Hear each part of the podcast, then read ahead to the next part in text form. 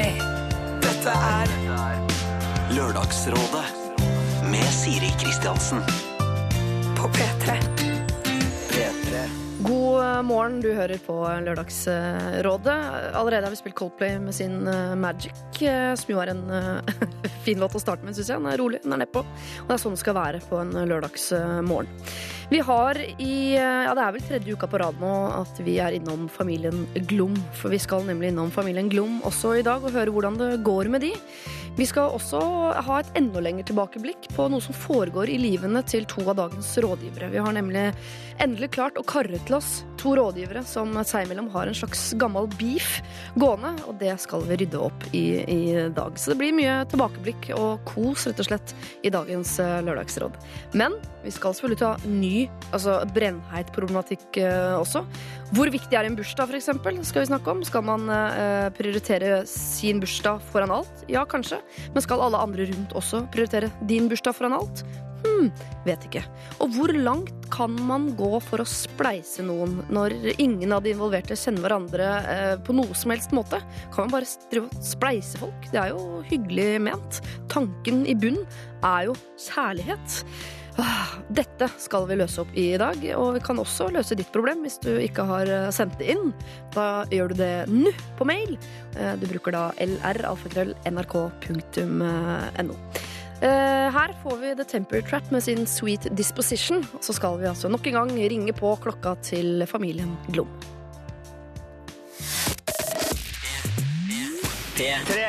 Dette er P3. The Temper Trap med sin Sweet Disposition her i Lørdagsrådet, hvor vi nok en gang skal eh, besøke familien Glom. Vi har vært der noen ganger nå, fordi for to uker siden så tok vi tak i en mail fru Glum sendte inn på vegne av sin familie. Hun hadde blitt gjort oppmerksom på av sin mann herr Glom at han mente hun ikke lenger kunne være naken på badet om morgenen sammen med sine sønner på seks og ni år. Han syntes heller ikke at hun burde gå eh, i truse og bh rundt i leiligheten, da da naboene kunne se henne. Eh, Christian Borch, Stig Henrik Hoff og Sandra Lyng Haugen var rådgivere på det tidspunktet, og jeg var litt overrasket over hvilken retning eh, rådgivningen tok, da både Borch og Stig Henrik mente at jo, hun måtte faktisk begynne å kle på seg. Jeg eh, er jo ikke sånn at jeg bestemmer, eh, men nå er det nå engang sånn at jeg sitter med spakene eh, i min nærhet og har muligheten til å si happ, happ, happ, dette gjør vi om igjen. Så jeg ga problemet en ny sjanse en uke senere. Da var det nye rådgivere her, Martin Beyer-Olsen, Magnus Devold og Karina Olseth, som fikk lov til å prøve å hjelpe familien Glom. Og de var noe mer nyansert i sin rådgivning. Reagerer man på noe man har vokst opp med og, forholdt seg til hele livet? Tenker man ikke bare meg? sånn har sikkert alle hjemme? Tror ikke jeg hadde kommet med et seriøst sånn argument til moderen hvis hun sprader ut naken. Hun sprader jo ikke rundt naken. Hun er på badet og steller seg og dusjer. Da er man naken. Og det gjør ingenting om de her sønnene på seks og ni år ser det. Jeg syns at herr Glom bør ta seg sjøl i nakken og skjerpe seg. Hvis sønner ni og seks begynner å kommentere at hun går i truse og bh ellers i husa, skal hun ta hensyn til det, syns vi? Ja, fordi stakkars små barn. Så de skal ikke se for mye heller, når de begynner å skjønne ting. Nå våkner rødstrømpen i meg. Altså, når gutter har et, et syn på hvordan en kvinnekropp skal være, så, så hjelper det litt å se hvordan man skal se ut etter at man har født barn. Jeg hadde jo venner eller bekjente som hadde f.eks. nudistforeldre som sto ute i hagen og luka naken med stråhatt. Akkurat det nudistgreiene, der merker jeg at der stopper det seg for hva som er strengt talt naturlig. Det er mer tysk enn naturlig i mine øyne. Det er forskjell på naturlig og naturlig. Det må vi, det, når ting blir naturlig, da har det gått for langt. Da er det ikke naturlig lenger. Dette er Lørdagsrådet. på P3. P3. Fru Glum og jeg har jo siste ukene nesten blitt som brevvenner å regne. Altså Det mailes fram og tilbake i hytt og gevær, mens herr Glum han er fortsatt tyst. Men nå har jeg da fått ny mail fra fru Glum etter å ha hørt rådgivningsrunde nummer to, og hun er fornøyd. Hun skriver Hei! Jeg hørte på Lørdagsrådet på lørdag og ble svært glad for at dere tok opp problemet mitt nok en gang. Jeg må jo ærlig innrømme at jeg ble noe bekymret da Christian Borch mente at herr Glum hadde rett i at nakenheten i eget hjem ikke var på sin plass, og at Sandra mente at mine sønner ville bli mer opptatt av nakenhet når de ble eldre. Oppdrar jeg sånne pervomenn, liksom? Da Karina dro rødstrømpekortet nå på lørdag, ble jeg veldig glad. Ja, nesten så glad at jeg elsket henne litt. For et argument! Herr Glom har ikke hørt programmet selv ennå, så jeg har fortalt han at han bare må innse at slaget er tapt. I forhold til problemet, eller det potensielle problemet, så kommer jeg nok fortsatt til å kle på meg samtidig som barna mine, så lenge de syns det er greit. Og jeg vet at den dagen de ikke syns er greit, så sier de fra. De er godt utstyrt med taleferdigheter, det skal de ha. Likevel så skal jeg ta litt mer hensyn til herglom. Jeg skal ta på meg en singlet i ny og ne, i alle fall. Sånn at summen av nakenheten blir litt mindre. Tusen takk for fint program. Hilsen fru Glum. Og fru Glum, eh, det var bare hyggelig. Lørdagsrådet med Siri Kristiansen. På P3. P3. Quabs med Wrong or eh, Right, og før det hørte vi London Grammar med sin eh, Strong, låta som har fått eh, ja, faktisk meg til å ønske at jeg kunne spille kassegitar. For jeg trenger en unnskyldning til å kunne synge den sangen utover i bil når jeg hører den på radio. Ah, Dette forteller jeg til dagens rådgivere, som har funnet hver sin stol. Det vil si bortsett fra Kåre Magnus Berg, som sitter på en krakk. God morgen, Kåre Magnus Berg. Du, god morgen. Første gang her som rådgiver. Første gang eh, vi fikk til det. Det er veldig hyggelig. Du sa du var nervøs. Du, ja, jeg var litt eh, nervøs, fordi at eh, i dette programmet så føler jeg at man må være litt sånn smart eh, nei, og gi gode råd, og det er jeg ikke. Jeg er ikke smart. Jeg er, jeg en, er smart. jeg er en enkel gutt fra landet. Jeg kan jo egentlig ingenting. Er det Hamar? Jeg er en turist. Er det Hamar du er fra? Hamar, ja. Hamar, ja. Mm. ja. Det er jo ikke IQ-kommunen. Det er det ikke. Nei, det er det Nei. ikke. For det er Ullensaker kommune. uh, ved din side, Kåre Magnus Berg, så har du Solveig Kloppen. Og det er ikke første gang i livet sitt. Nei. Nei, Det er Dere første- Det er første gang jeg er lavere enn Solveig Kloppen, faktisk. Ja. På denne Skyld på krakken. krakk. Det er på grunn av krakk. Hvorfor kjenner dere hverandre? Vi kjenner hverandre fordi vi har uh, Vi ledet jo Idol sammen i 2005 og 2006. Ja. Det er snart ti år siden. Vi ble veldig, veldig Vi godt ble kjent. veldig godt Vi kjent. var veldig glad i hverandre. I hvert fall er jeg veldig glad i han, da. Mm, Ja. Man ringer ikke så ofte lenger. Jeg syns jeg leser noe undertekst der. Siden du sa sånn, jeg er i hvert fall veldig glad i han. Nei, jeg, jeg vet at han er veldig glad i meg òg. Ja. Eh, Vi har også Christer Torjussen eh, her. Hei. Har du et eh, personlig privatforhold til noen av de andre rådgiverne i dag? Eh, jeg har et ikke personlig forhold til Solveig, men vi har jo vært kollegas Ja. eh, tilbake i tiden. Vi var jo eh, komikarer begge to. Jeg har fortsatt med det. Solveig eh, hoppa av den scenen. Hvorfor slutter jenter med standup mens gutter fortsetter? Jeg Har vet ikke. Jeg skulle ønske Solveig var der ennå, for jeg husker deg som veldig morsom. Nei. Jo, jo. Ja. jo. Jeg husker det jo selv da jeg begynte med standup, at det var sånn Nå kommer Solveig Kloppen! Ja. Så var det, det ble ordentlig stille når Solveig kom. Når Ser surfa inn. det rødmer og svetter. Nei, det var fint, det, Solveig. Takk. Bortsett fra den ene jobben vi var på sammen. Det vi kan uh, ja, Oi, vi, vi, Dansebåten? Nei, det- nesten. Nesten. Ja, det var nemlig Amerikalinjen het stedet nede ved Oslo S, og der var det veldig mange fulle studenter, Oh, veldig dårlig lyd, og bakerst i lokalet var det veldig mange fylliker. Så det var La meg legge til, vi fikk 1000 kroner ekstra i sympati Ja. fra, fra arrangøren. Fyllikene lo høyest. Ja. Ja. Så det var, det Men var det kan ha vært av noe annet, altså. Det kan ha vært noe annet. Men vi skal tilbake til to, år 2000 her. Skal, nei, vi skal, lenger tilbake. vi skal til ikke det? 1999, skal vi. 1997, Ja. kanskje? Skal Nei, nei, jeg begynte i 99, så det blir feil. Det. Ja, Flere av de som hører på nå, var ikke født på den tiden. Eh, Tenk litt på det. Jeg, jeg hadde tenkt å spørre dere Det er sånn typisk eh, Før sommeren så spør man hva skal dere, og etter sommeren kommer til å spørre hva dere har gjort. Uh, Sånn er det bare. Og så er det nesten jul, og spør jeg hva skal dere i jula, etter jul hva har dere gjort. Og så er det over på sånn. Sånn går det, på en måte. Sånn blir det Sånn radio. Sånn, ja. Men hva skal dere til sommeren, da? Fritt. Ordet er fritt. Jeg skal uh, Christer begynner. Ja. Jeg skal grille. Masse. Jeg skal grille så mye at eh, de skal stenge lufttrafikken over huset mitt. Så mye her inne å grille. Hva slags grill har du? Weber. Selvfølgelig har du det. Selvfølgelig er Weber. Jeg, nå, vet du hva, jeg tuller, jeg har ikke Jeg ønsker meg en. Nei, du har ikke grill? Nei, jo, Vil du, jeg ha, har det. du vil ha gass? Har du kule? Vil, altså, Nei, jeg vil har ha du, kule, har gass. Ja, og så skrøt jeg på meg at jeg har Ja. Weber, men dette er et, ønske, det er et ønskebilde jeg vil ha det. Ja, ja. Kjøp det. Bruk feriepengene på det. For det høres ikke ut som du skal reise noe sted. Du skal sitte i pal ute i hagen og grille. grille. Grille. bor ved sjøen? Ja, det stemmer det. Da trenger man ikke å dra på ferie, da. Hva med dere andre? Jeg skal tre uker til eh, Tre uker til Danmark. Woo! Du slår meg med en uke. Det er det place to be om sommeren. Snakker du dansk når du er i Danmark? Eh, nei, altså, jeg gjorde det en periode. Det er sånn at eh, kona mi hadde en bestefar, en gammel smed. Min bestefar var også smed. Selvfølgelig var han det. eh, var, han også, var han kjempestor, hadde Oops, skygger av, eh, av Eller hadde han jernsplinter under huden Ja. Og var kjempesur og snakka dansk? Nei, han Nei. var blid og snakka eh, gudbrandsdalsdialekt. Så det er Ja. ikke samme mann. Det er så Nei, nært det er at det må gå. Men denne smeden, han eh, Vi hadde jo veldig lite kommunikasjon. Han sa bare eh, samme Og det var samme når på døgnet det var. Han sa bare 'Nå skal du for faen meg ha en tårmann'. Og det var Tor, det var et sånn lokalt øl. Ja. Eh, og da sa jeg 'Er ikke det Nei, det Det er litt tidlig'. Eh, 'Du skal for faen meg ha en tomann'. Ja, det skal jeg for faen med. Og det var den eneste kommunikasjonen vi hadde. Uh, ja. Skålte dere ikke heller? Vi skålte. Jeg må også bare legge til at han, eh, vi, han drakk jo mye snaps. Han tok, eh, når han drakk snaps, så tok han én slurk av snapsen, så tok, han andre, så tok han resten av snapsen og helte som en slags krem inn i hendene og smørte seg inn med det. Er det sant? Smed, ass. For en fyr. For en fyr. Ja. Og dit skal du nå. Dit skal jeg nå. Tre uker. To uker En uke alene sammen med familien. To uker med svigermor. Bare du og svigermor? Eh, bare jeg og svigermor. Og svigermor gjør det samme med snapsen. Hun gjør det samme. Ja. Nei, hun drikker, eh, hun drikker håndkrem. Så veldig sprø gjeng. Nei, ja, men det blir, det blir koselig. Ja, høres sånn ut. Jeg er i Danmark, jeg også, så hvis det skulle bli det, ja. krise, så får du bare tusle over. Skal vi bytte lån med svigermor, Jeg er veldig glad i mine. Du er det, Ja. ja? Jeg er det, jeg også. Nå høres jeg stygg ut, men, eh, men eh, nei, spennende. Fortsett. Solveig, en skal bli hjemme så langt, den andre skal til Danmark. Har du noen spreker sprekere å Skal komme noe litt mer eksotisk. Ja. Jeg skal ta fly til Flesland og ta hurtigbåten fra Flesland kai ut til Austevoll. Mm. Ut i havgapet. Der skal jeg være i fire uker.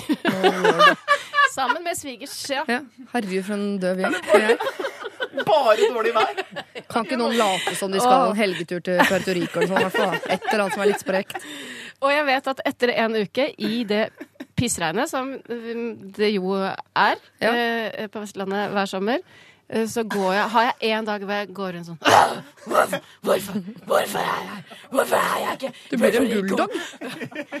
Men så går det over. Oh, ja. Så Jo, men det er sant, det. Man må komme over kneika. ja. Man, må, eh, man blir sint, og så blir man på en måte bare bedøvd Ja. i kjedsomheten.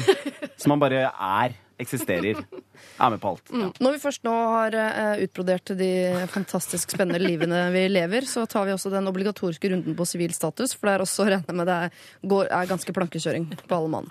Ja, eh, Ta samme rekkefølge. Christer?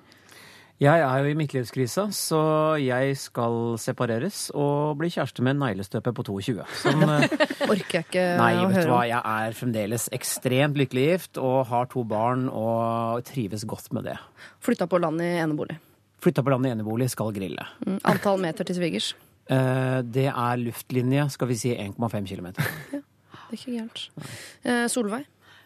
Nei, det blir ikke samme rekkefølge. Nei. nei. Hysj, hysj, hysj. Kåre Magnus? Eh, gift, bor på Kampen, to barn. Eh, eh, antall, altså luftlinje til svigermor ca. 150 meter. Oh lord. Ja. Det er altså Ja. Ja. Mm. Solveig? Eh, gift, to barn. Mm. Eh, akkurat Og det er Vi, vi er veldig synkron, eh, Mm. synkroniserte. Vi har barn som er eh, først gutt, så tre år, så kom det en jente. Er det sant? På alle, Alle tre. tre? Alle tre. Det er sjukt. Oh, jeg venta bare to og et halvt, jeg. Så jeg er jo utskudd der, da, for å si det sånn. Luftlinje til svigermor, som jeg elsker. Eh, psh, hvor langt er det til Austevoll, da? Bergen, og så 250 mil, ut i havet. 200 mil, kanskje. 200 mil. Luftlinje. Men luftlinje til Kåre Magnus Berg, da. Eh, er mer fem kilometer? Ja. Nei, hvor langt er det fra Tåsen til Kampen? Det kan ikke jeg noe om, men Ikke eh, det er ikke så langt. Det er ikke langt. Ok, eh, vi tar med oss dette inn i rådgivningen i dag. Jeg regner med at det kommer til å bli voksen rådgivning med altså eh, åtte barn ligger til bords her nå. Fire eneboliger og en hel haug med svigerforeldre. Det skal du vite, du som sender inn problemer. Hva du har å gjøre med her. Men allikevel, slipp problemet ditt løs på oss. lralfakrøll.nrk.no. Dette er Er P3. Biffy Clyro altså, og deres eh, Bubbles. Alltid hyggelig å eh, høre. Vi skal i gang med rådgivning, dere. Men vi skal ta tak i et eh, problem som ikke har vært innsendt. Fordi Solveig Kloppen, eh, du var med på første sending av Lørdagsrådet for 100 år siden, faktisk. Ja. Er du klar over det? Ja. Eh, og siden den gang så er du en av kanskje to rådgivere vi har hatt som innimellom bringer egne problemer til bordet og tar det opp her på radio. Ja. Hvor det henger ut folk som mannen din svarte an. og- andre diverse Og naboen, og naboen. Ja, Torkelsen ja, han husker vi. Eh, og så har du også hengt ut en hvor det har vært litt greiere, for du har ikke navngitt personen. Eh, men du har kalt han for eh, Såre Magnus Serg. Mm. Såre Sagnes. Såre Sagnus Serg, ja. Og denne Såre han var gjest i ditt bryllup for noen år siden. Og, hva var det, var det da dukket opp et problem rett og slett i etterkant? Ja. Ja. Der og da var det jo ikke noe problem. Uh, For uh, Såre Sagnus Serg eh, Mm. er jo også en anerkjent kunstner. Ja.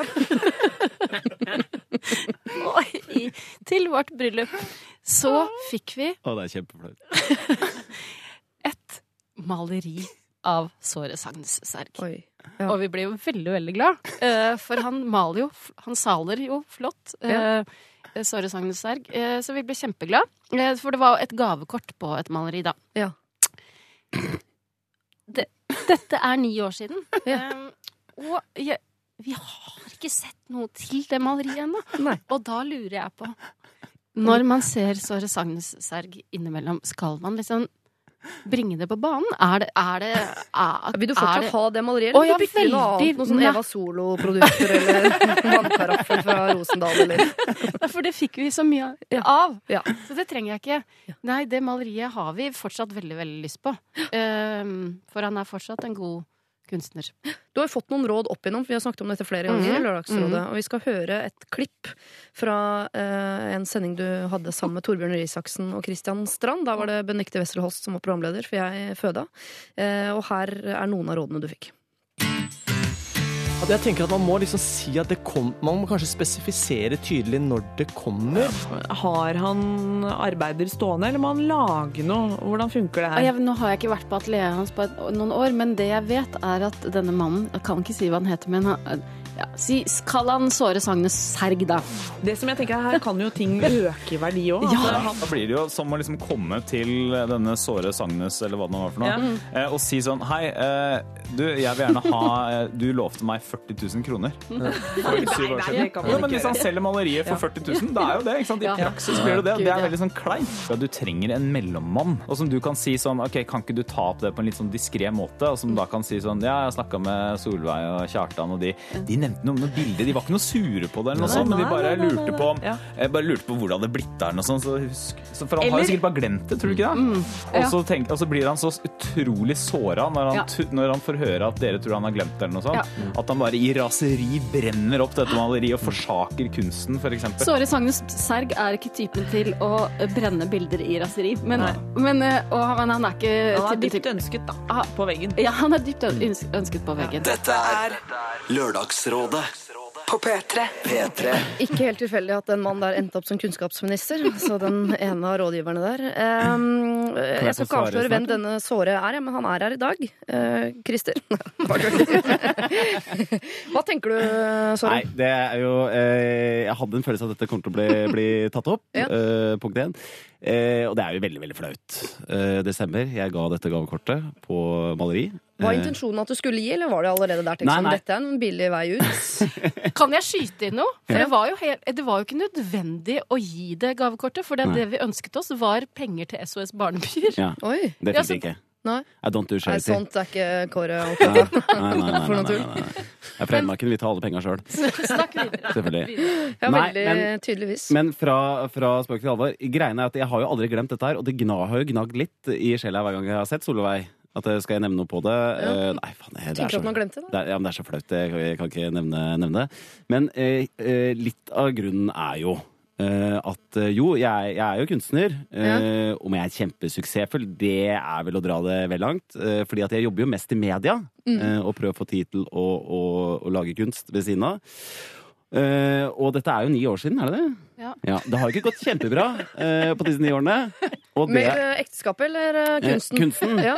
og det jeg har lagd eh, stort sett disse siste ni årene, ser jo ikke ut. Eh, det er jo stygt. eh, eh, det Nei. kan være konseptuelt eh, morsomt, men det er jo ikke så veldig fint. Så jeg har kjent litt på, eh, og jeg har ikke glemt det, at en dag så skal Solveig få et maleri, men da må det være et maleri jeg tenker sånn, vet du hva? Dette her er, eh, dette er jeg stolt av. Det er fint. Dette skal Solveig få lov til å henge på veggen, Ja. eh, og ikke føle at eh, hun føler at hun må henge det på veggen. Fordi en gang så fikk fikk ja. jeg en sånn keramikkskilpadde av min tante. Mm. Eh, som eh, Beklager, tante, men den var utrolig stygg. Som hun hadde laget selv? Ja, hun hadde kjøpt av en nabo. Eh, som var veldig stygg. Og så følte jeg at ah, jeg må ha den fremme. Ja. Men den, var- det er jo det verste jeg har sett. Ja. Eh, sånn at den dagen Solveig får et bilde, så tenker jeg at da, da må jeg føle at det, sånn. Eh, Er det sånn? ja, det er sånn det fungerer. Mm. Du tenker ikke at den er dagen du endelig maler noe fint, så burde du kanskje prøve å få solgt noe? Nei. Nei. Nei. Bare spør. Ja. Men du, kan ikke vi ha en avtale på at jeg skal være veldig ærlig? jeg veldig ærlig. Veldig ærlig. Veldig ærlig. Du har lov å si hva du har lyst til å bli, få også. Det er jo, du kan legge noen føringer. Ja. Det, er rosa, slags sånt bilde kunne jeg tenke meg. Ikke klovn. Noe annet enn Ja. det. Ja, ja. Ja, det er lov. Ja.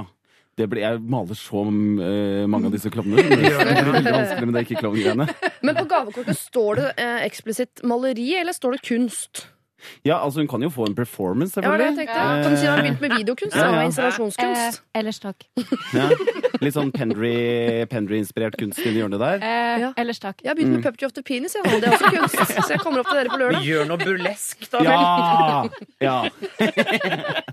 ikke sant. Nei, la oss ha en avtale på at, Ja, vi gjør eh, det. at du inviterer meg eh, en dag du føler for det, Ja. og så kan jeg si Helt ærlig. Nei, nå får jeg litt sånn Mm. skilpaddefølelse. Vil du ha klovn eller kjempe, bilde av kjempestor penis? Du må velge. Mm. Sant? Det er sånn halvveis nakenbilde av Kjartan i Mm. noen rosa sjatteringer. Mm, Der er ellers det. Det blir skilpadde. Det blir litt skilpadde.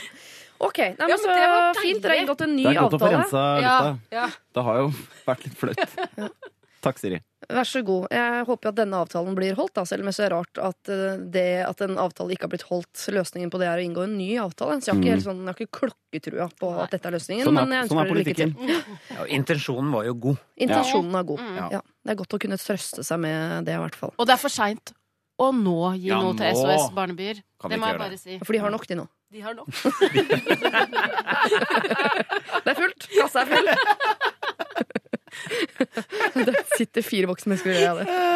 Ok, eh, kjære du som hører på dette her, hva skal du lære av dette? da? Vi får jo inn lignende problemer eh, som dette hele tiden. Og løsningen må jo være at man skal være helt ærlig, da, i så fall. Hvis det er noe som er eh, stygt, så må man få lov til å Du trenger ikke å si at det er stygt, du kan si sånn det blir litt skilpaddeaktig. Så begynner man å bruke det uttrykket, så er jeg helt sikker på at det kommer til å feste seg etter hvert i det norske folk. Eh, andre problemer, send det inn. lralfakrøll.nrk.no. Lørdagsrådet På P3. P3 Vi har hørt eh, låta Stay High med Tove Lo og Hippie Sabota. Eh, og vi ler av Tove Lo, fordi det er en vits. Hvorfor kan ikke vi le når Tove Lo osv.? Um, før det er Marble Pools med sin Window Paints. Eh, bra. Hold den stemninga der, fordi eh, det er en stemning jeg har hørt rykter om at man kan komme i av eh, vårt problem som følger. Kjære Råde. Jeg har i over ti år hatt en bestekompis som jeg alltid har satt høyt i livet. Selv om det til tider kan gå en stund mellom hver gang vi er sammen. Men for ca. tre, tre år siden bla, bla, bla, begynte han å eksperimentere litt, og begynte dermed å røyke hasj. Jeg trodde først at dette sikkert bare var noe han skulle prøve, men sånn gikk det da ikke. Han gjør det nå på daglig basis, opptil flere ganger om dagen. Han har til og med dratt med seg kjæresten sin inn i det hele. Jeg har prøvd gjentatte ganger å snakke med han om det uten at det er til hjelp. Nå har det gått så langt at han er sykemeldt og klarer ikke å møte andre mennesker i hverdagen. Så nå må det si stopp. Jeg har vurdert foreldrene hans, jeg har vurdert politiet, osv. Men det jeg da lurer på er hva er det jeg egentlig burde gjøre? Og må jeg forberede meg på å miste en god venn? Det hjelper ikke å snakke med han, da han bare er kald når det gjelder alt. Med vennlig hilsen bestevenninna. Jeg har litt ekstra info på at de er ca. 21 år gamle begge to. Han flyttet hjemmefra for seks måneder siden, da inn til sin nåværende kjæreste, som han har dratt med i, i hasjmarsjen. Hva burde hun gjøre her, som bestevenninne til sin kompis, som har bare meldt seg av livet og sitter hjemme og røyker hasj? Altså. Åh, det var jo veldig tungt, da. Ja. Tung start. Tung start. Fra, fra det, kunst til dette. Ja, ja. Unnskyld at jeg ødela den der Dere var Men jeg, veldig glad i men først jeg tenker jo at eh, Uansett hva hun sier nå, at uh, hvis hun truer på en måte å si at jeg vil ikke være din bestevenn lenger hvis du fortsetter sånn, så tror jeg han på en måte, som hun sier, han er kald. Ja. Og vil antakeligvis ikke bry seg kanskje nevneverdig. Og politiet tror jeg ikke har noe vits å dra inn i det, for de tror jeg ikke bryr seg så veldig mye om hva han gjør. Nei. Uh, jeg, jeg, den der, den er litt vrien. Hva Ja. Jeg tenker at hun er inne på noe når hun sier at hun kan, har vurdert å, å ringe foreldrene hans. Det kommer jo selvfølgelig an på hvordan de foreldrene er, da, men uh, jeg tenker nå man Tror du det hjelper da å ringe foreldra til en 21-åring og si at eh, sønnen din røyker veldig mye hasj? Tror du at det gjør at han vil stoppe med det? Eller? Det er. Det, det, er, høres ut, det høres ut som et veldig tullete forslag, men jeg har en eh, bekjent som, eh, som eh, når han drakk sprit, Ja. så ble han så teit. Gikk dumt. Ja. snakka Snøvla, ut. Snøvla, snakka Ja. utydelig. Ramla rundt omkring i heimen. Son Seder Solrud heter han. Nei. Men det hun gjorde, hun tok og filma han. Oh, ja. Eh, og dagen etter Hvem filma han? Dama. Kjæresten? Ja. Ja. Dagen etter så vekte hun han grytidlig, satte han foran TV-en, satte på filmen og sa sånn. Eh, liker du det du ser? Eh, Syns du det er ålreit? Eh, og han eh, skamma seg, slutta med det, å og drikke sprit, for at han ble jo så eh, snøvlete og gikk i teit. Ja. Et forslag kan være eh, dra hjem til denne vennen. Fil- Smugfilm han? Mens han sitter med denne didgeridooen, uh, hører på reggae og, og har på seg batikklær og røyker hasj. Ja. uh, og hvis, han fin hvis det fins et nykter punkt der, vis han filmen. Ja.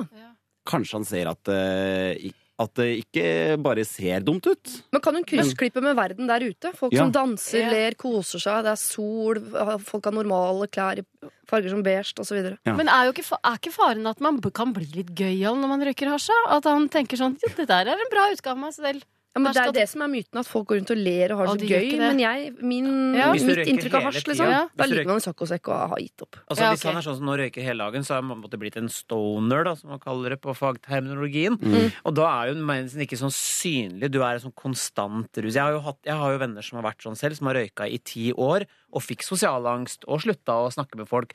Tørte ikke eh, logga seg av Facebook, og alt mulig. Og, som er en konsekvens av å ha vært liksom røyka hele tiden, over lang tid. Men kan han settes i forbindelse med dine gamle venner, da? Altså, kan, man, kan, de, kan de dra på en sånn Turné? turné? Kanskje, ja, jeg har jo noen venner som virkelig har brent lyset lys i, begge ender, som det heter. Eh, og, og de kunne kanskje sagt, gitt noen Paul-ord og sagt at hvis du har, ikke, du har ikke lyst til å ende Men det har jo gått bra med de. Men hvordan Altså- kom de seg ut av det? Ja. Kanskje nøkkelen Ja, ligger der? ja. Nei, men han, altså, la oss si han ene, da, som Ja. jeg har kjent siden eh, jeg gikk på folkehøyskole. Eh, han ble plutselig borte fra alt, ikke sant? Og så kom han tilbake, og så ble han borte igjen. Og sånn har han holdt på litt fram og tilbake. Verdens fineste fyr. Kunstner, sånn som deg. Eh, Mm. En fritenker. er eh, En fri sjel. En frik. En fri sjel, Mm. men verdens fineste fyr. Men selvfølgelig har han jo, som han sier selv, han har blåst ut ganske mange år av livet sitt på å være konstant stein, da.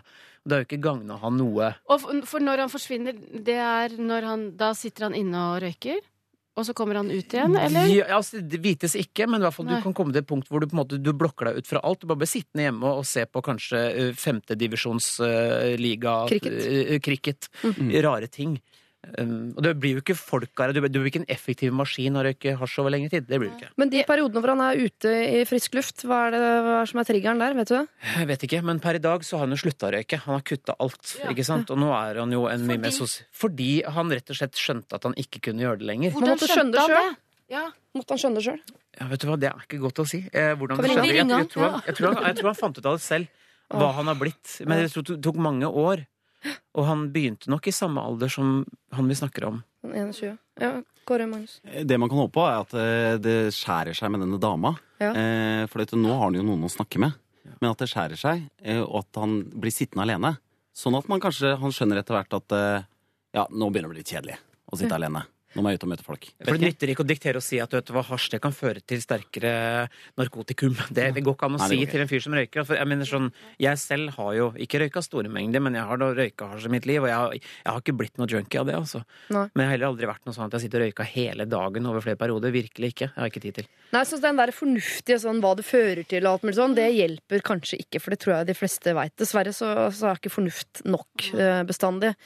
Men er dere helt imot det der med Hun nevner å snakke med foreldrene og politiet. jeg tenker at det kan være litt lurt. Det er en venninne som drev med dop på, på videregående. Foreldra der ringte purken. De gikk, kom hjem til dem på ettermiddagen. Lagde et eh, helvete.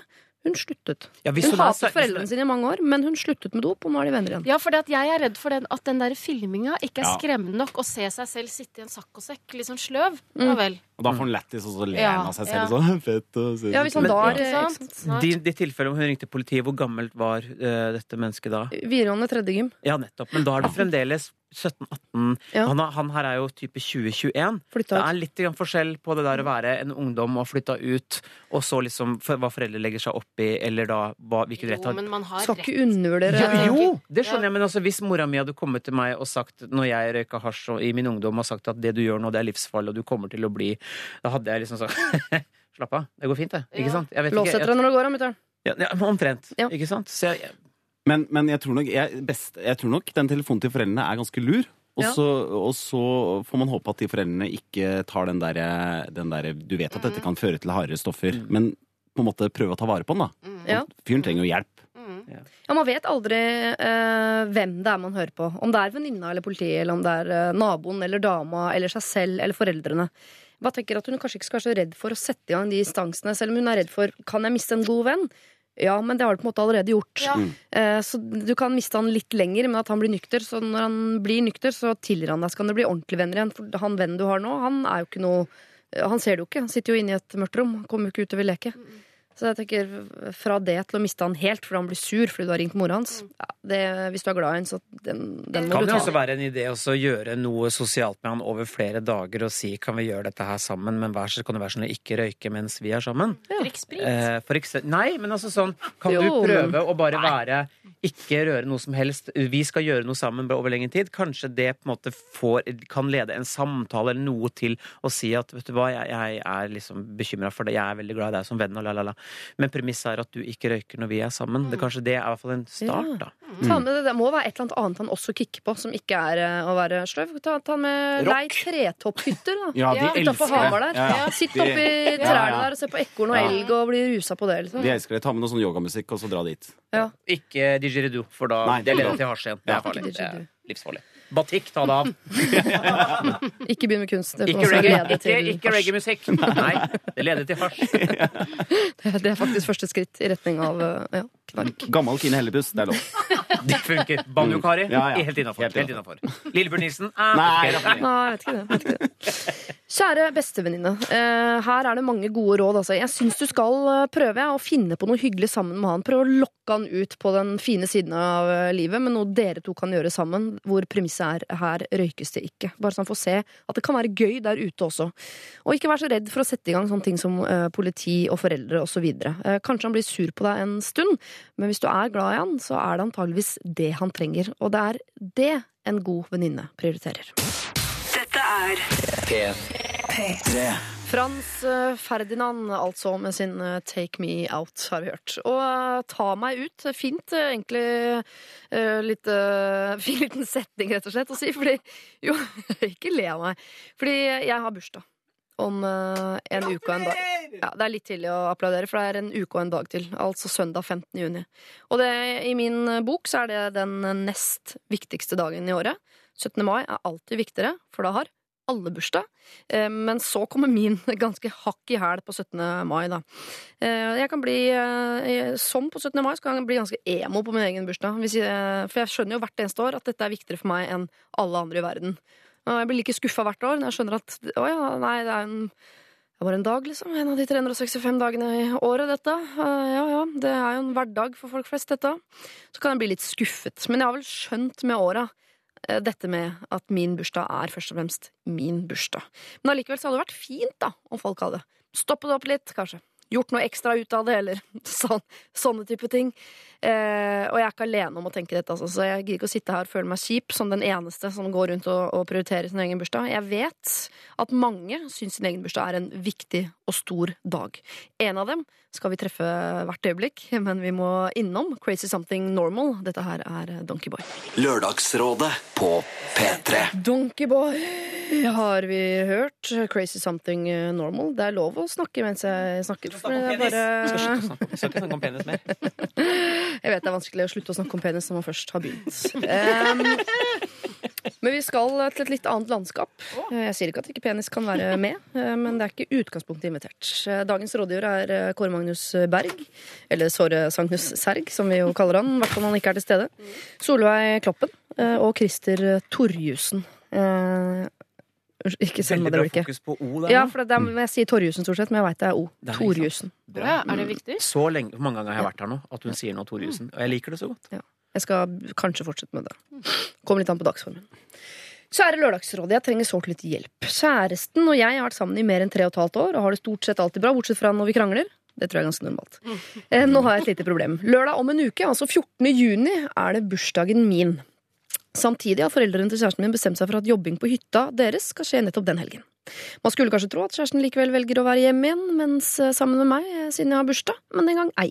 Isteden prioriterer han hytta.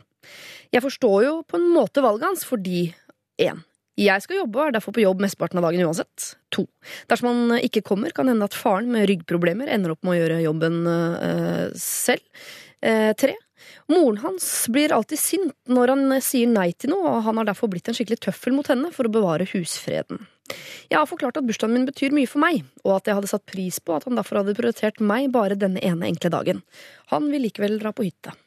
Det skal sies at han sier han kan dra etter at eh, jeg har dratt på jobb, og dermed kan vi ha morgenen sammen, men jeg føler meg likevel bortprioritert, og som om jeg ikke er så viktig for han. Og eh, jeg vil ikke dra hjem alene på bursdagen min.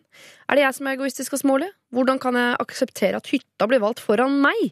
Jeg legger til litt fakta. Jeg, 18, snart 19 eh, år gammel, bor i kollektiv. Han, 21 år, bor fortsatt hjemme. Med vennlig hilsen meg, bursdagsbarnet Julie. Jeg tenker at Julie har gjort noe helt riktig. Mm.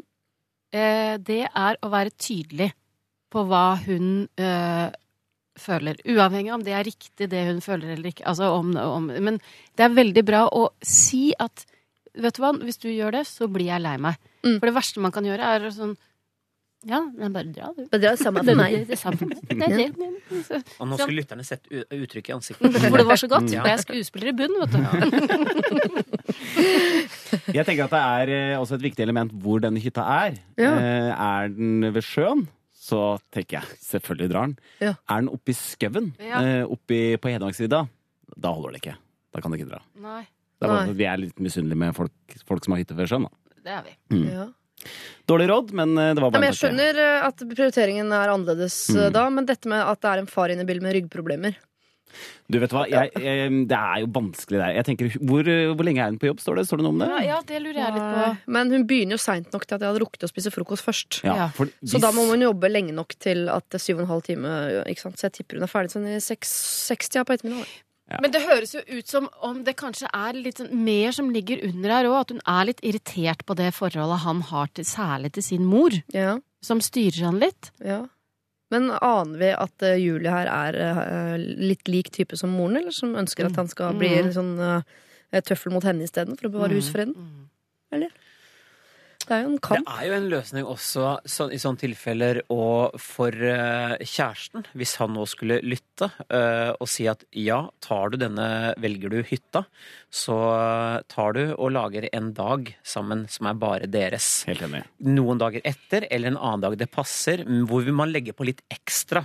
Vi snakker om denne Ja. restauranten man går på. Ja. Vi snakker kanskje om disse kanskje lille drinken man tar etterpå og gjør litt stas på henne. Mm. Som en, skal som en kompensasjon, og da har man tekka på en måte både vond rygg, eh, moren sin, familien og kjæresten sin, som også er ekstremt viktig.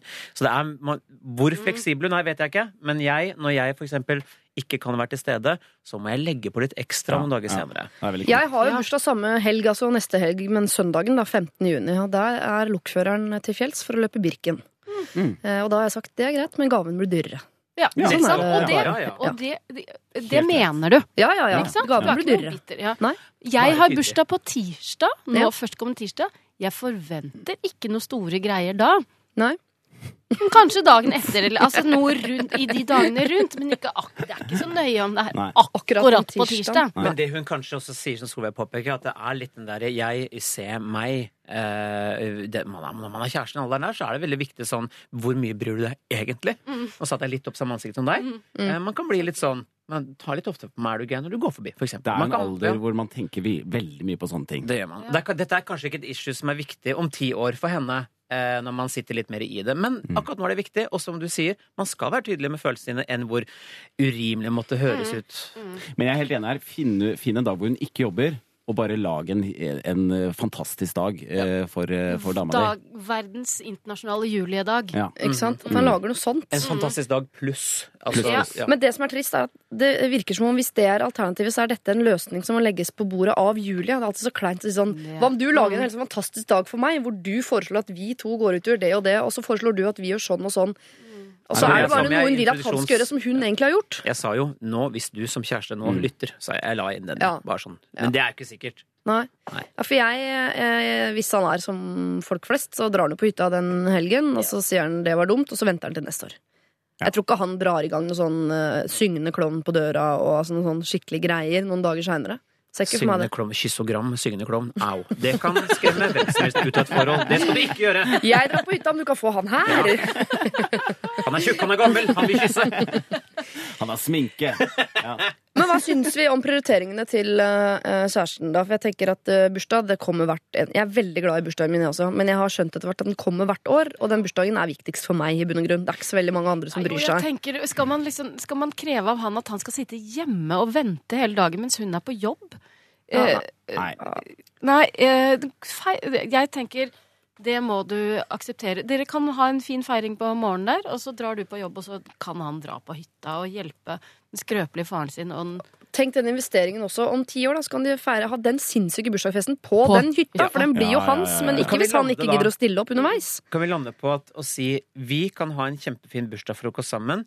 Eh, jeg drar på jobb, du drar på hytta. Men kan vi på en måte finne en dag hvor vi kan ta, ta det liksom feire bursdagen min, da? Som et forslag. Det er ikke dumt å si. Et forslag. Og så sier han OK, neste lørdag. Ja, neste lørdag! Ja. Mm. Det går vi for. Surprise me. Ja. Kjære Julie, gratulerer med dagen på forhånd. Den må du nok feire ganske alene. Det blir en koselig frokost på senga, det er jeg helt sikker på, med deg og kjæresten. Han drar på hytta, hjelper familien sin, sånn at dere har et sted å feire bursdag om mange, mange år, og i årene som kommer etter det. Eh, og så tar dere en skikkelig feiring om noen dager. Det er ikke så farlig å ta på. Akkurat den dagen. Det er bare du eh, og mora di som bryr deg om nøyaktig akkurat den dagen, dessverre. Det er ikke så viktig for folk flest. P3. Dette er NRK P3. P3. Jeg blir alltid i godt humør av å høre stemmen til Robin, og glad for at hun er tilbake sammen med Røyksopp. Do it again. Før det hørte vi Ducksaus. Er ikke så glad i det. Eh, Da mener jeg sausen. Syns at eh, det låta NRG er helt eh, topp, rett og slett. Eh, vi eh, sitter jo her, en gjeng med rådgivere, og gir råd så godt vi kan. Det vi ikke vet, er om vi treffer spikeren på huet. Har vi, gir vi gode råd, eller sitter vi bare og, og våser? Er det noe fornuftig inni her? Kommer du til å bruke det? Har du brukt det? Hvordan gikk det? Og så videre. Alle disse tingene vil vi gjerne uh, vite om. Vi kan ikke liksom bare slippe deg ut i samfunnet uten å, å vite hvordan det går. Uh, så for all del, er du en av de som får råd her i Lørdagsrådet, så uh, send oss en tilbakemelding på hvordan det gikk. Du bruker samme mailadresse som du brukte da du sendte inn problemet i utgangspunktet, nemlig lr, alfakrøll, nrk.no. Og samme mailadressen gjelder jo deg, da, som sitter der Føler deg hjemme alene om ditt eget eh, problem. Eh, slipp det ut på mail og over til oss, så kan vi eh, rydde opp i det, sånn at du kan møte sommeren med noe lysere sinn. Lørdagsrådet På P3. P3. Arif har vi altså hørt, folkens. Lowkey er eh, låta, og vi skal en svipptur til Vestfold. Der bor det en jente som heter Kristin, og hun lurer på en ting. Hun skriver til Lørdagsrådet. Hei, vi har en singel venninne som bor i eh, nabobyen fra der resten av oss bor. Hun er nydelig, og det er et mysterium for oss hvorfor hun er singel. Jeg er redd det bare har blitt sånn. Nå har jeg møtt, eller egentlig sett, en fyr jeg mener er perfekt for henne.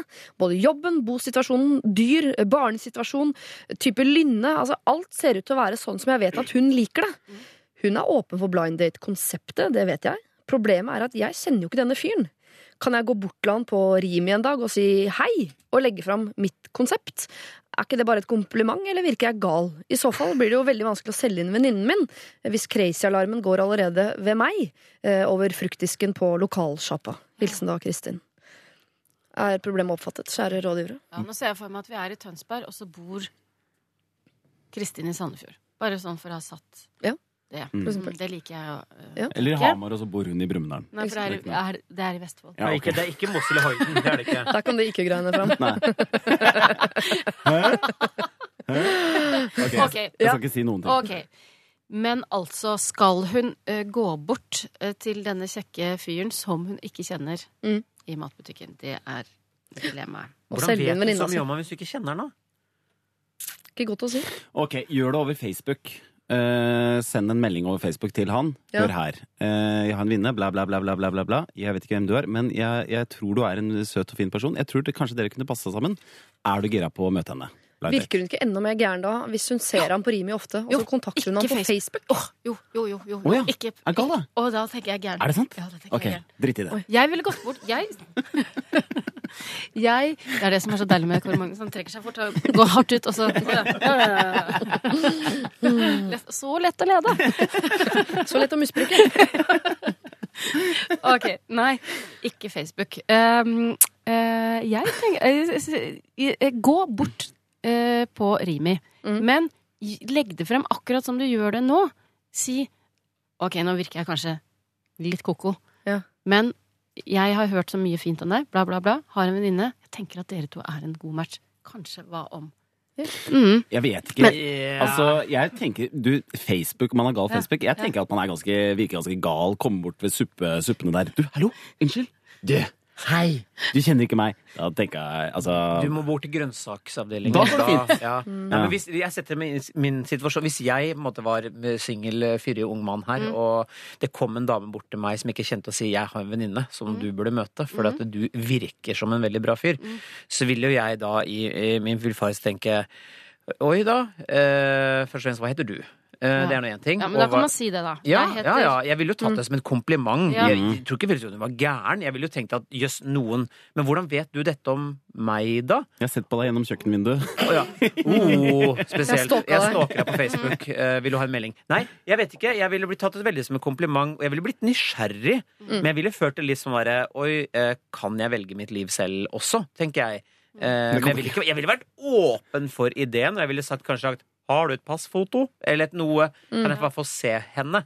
Fordi eh, Det er mye søte venninner som har blitt solgt inn som søt, og så det er det. Jeg har også blitt utsatt for blind dating som krasja fullstendig. På så grunn av utseendet hennes? Eh, nei, nei. nei, men du vet, du havner i en situasjon hvor du vil sitte og dra samtalen. Ja. Jeg satt og spiste middag med mennesker som ikke snakka. Så lenge det er samtalen du drar, så Ja, så oh.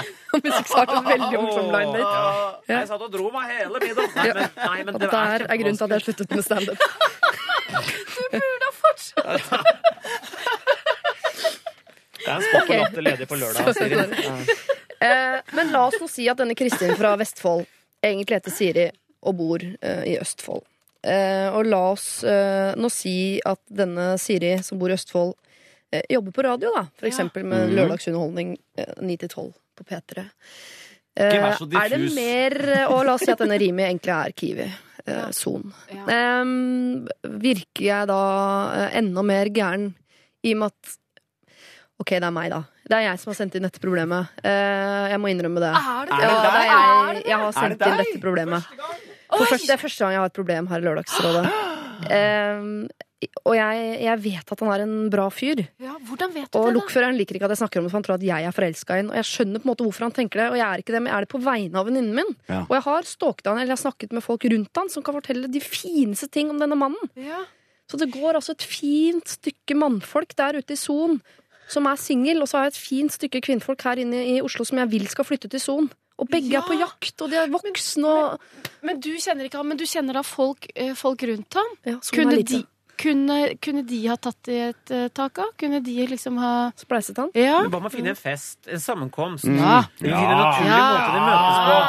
Vi, vi snakker, Men jeg sender ingen av dem godt nok til å invitere på fest. Da blir det for da skal de på date mens alle ser på, da. Er Nå blir det ikke... så Ja, men dra på et diskotek, da! Ja, for pokker, et diskotek er gøy. diskotek. Det liker folk. Diskotek. Det er Ja! gøy. Musikk. Og Nei. Diskotek? Nei. Men det blir ikke ikke dra på diskotek. Men de er jo ute på byen, begge to, hele tiden. Det må noe Men mer aldri på konkret i samme enn å sted. Ja, sitte ok. på en pub. Du, De må Nå tar hun seg en slurk av kaffen her, nå kommer det noen gullkorn. Kom igjen, Solveig. jeg tenker Ja. at han liker jo deg. Alle liker deg, Siri. Hvis du kommer bort og, si, og sier Alle gjør ikke det. Jo. Hvem er det Skal som få noen navn om etterpå. Skal få noen navn etterpå. Ja, men du, Fortsett. Du, Jeg liker dette. ja, jeg tenker hvis Siri Kristiansen hadde kommet bort eh, Ja. til meg og Ja. sagt Ja. Hør nå her. Kloke, morsomme Siri Kristiansen. Ja. Enig. Herregud, selvfølgelig eh, blir, tar han det som et kompliment og blir smigret og, og sier hipp hurra, la meg eh, treffe denne søte venninnen din. Det Ja. Solveig Kloppen sa. Mm. Det Solveig Kloppen sa. Hadde du sagt det til meg, så Ja. hadde jeg trodd deg. Ikke, jeg er litt redd deg, Mm. men samtidig som jeg beundrer deg. Og du Så du hadde gått på daten? Ikke Ja. Ja, ja. Hvis du går god for noen, Mm. herregud, da, Pluss, ja. pluss at du er jo kjendis Altså, folk vet jo hvem du er. Du er ikke hvilken som helst. Det er jo et fortrinn når du kommer bort der. Altså, han eh, vet jo på en måte at du ikke er helt gæren. Ja. Eh, fordi du holder på med det du holder på med. Altså, I hvis Son du- er hun kjent som hun gærne. Det er det. Ja, ja. Vet du, Hvis det hadde floppa, vet du hva jeg hadde tenkt? Nei. Hvis du hadde spleiset med noe, andre, noe annet, så hadde jeg tenkt sånn etterpå Da er det sikkert min feil. Mm. Siri hadde sikkert rett. Ja, ja. Det, er, det er meg, det er meg, det er ikke henne. Men Så- ikke ta på deg helt matchende klær og ha en bøtte med, som er lik farve på bøtta som Ja, klærne og en spade. Ja. Og ikke den kjempestore hatten. Ikke det. Som jeg har på nå, mener du? Nei. Ja. Så går det bra. Så går det bra. Ok, Men da, eh, kjære gøy ja, meg du- selv ja. og dere eh, som hører på, da, hvis jeg kommer bort der på Kiwi en dag, så er jeg ikke gæren. Og hun venninnen min som jeg sier er søt, hun ser ut som Elisabeth Sju. Hun er skikkelig, skikkelig, skikkelig søt. Dere har hund begge to. Dere veit hvem dere er. Eh, Så kanskje jeg spleiser dere en dag. Eh, Hvis jeg har tilbakemelding, så sender jeg den inn til lralfakrøll.nrk.no. Og så leser jeg opp min egen mail høyt en gang til, da. Om noen uker. Takk for meg. P3. Denne lyden her er lyden jeg hører i hodet mitt når jeg tenker på at Superfamily ikke lenger eksisterer. The radio has expressed concerns about what you did last night, har vi hørt, som var den viktigste låta i livet mitt i hvert fall et år eller halvannet. Superfamily var min andre familie, rett og slett, sånn på øret. Ja ja, sånn går det. Eh, vi skal over til noe som er langt kjipere, egentlig. Fordi, eh, som sikkert de fleste har, eller kommer til å oppleve en gang i livet, eh, nemlig høre andre mennesker ha sex. Eh, Personlig syns jeg det er kleint å høre meg selv ha sex. Tanken på å høre andre ha sex er ja, faktisk litt bedre enn tenker man. faktisk litt bedre. Men de fleste vil, eh, vil nok tenke at det verste er å høre andre ha sex. Foreldrene sine, for eksempel. Eller som den personen vi straks skal prøve å hjelpe, høre gutten du er forelsket i, ha sex med en annen jente. Hvor kjipt er ikke det? Vi skal prøve å hjelpe henne så godt vi kan, eh, selv om eh, altså, selve greia er jo allerede ute. Eh, Hun har hørt det hun har hørt, men hva gjør man så videre? Takk og lov skal Kåre Magnus, Solveig Kloppen og Christer Torjussen hjelpe meg med det, men først skal vi høre litt musikk. Dette er Lørdagsrådet På P3. P3. Ok, kjære rådgivere. Eh, Solveig Kloppen, Christer Torjussen og Kåre Magnus Berg. Vi skal nå over et problem som overhodet ikke er mitt. Eh, absolutt ikke. Men jeg forstår at innsender syns dette her er skikkelig vanskelig. Eh, hun skriver, og det er ganske langt, så her er det lov å ta notater. Jeg har et eh, problem. En gutt jeg har hatt en liten greie med i ca. et halvt år nå, og som jeg egentlig liker veldig godt, har gjort noe forferdelig mot meg. Jeg dro inn til Oslo for å være med på fest på et utested. Venninnen min dro hjem tidlig, og med tanke på at hun bor langt unna sentrum, og han bor midt i sentrum, kontaktet jeg han da jeg var mutters alene plutselig. Han var ikke hjemme, men sendte meg en adresse jeg kunne komme til, og skrev 'det blir trivelig', og så et sånt hjerte. Jeg tenkte det var nachspiel, og dro dit. Da jeg kom fram, skjønte jeg med en gang at dette her er noe gærent. Han var der med to mennesker jeg aldri har sett før, en gutt og en jente.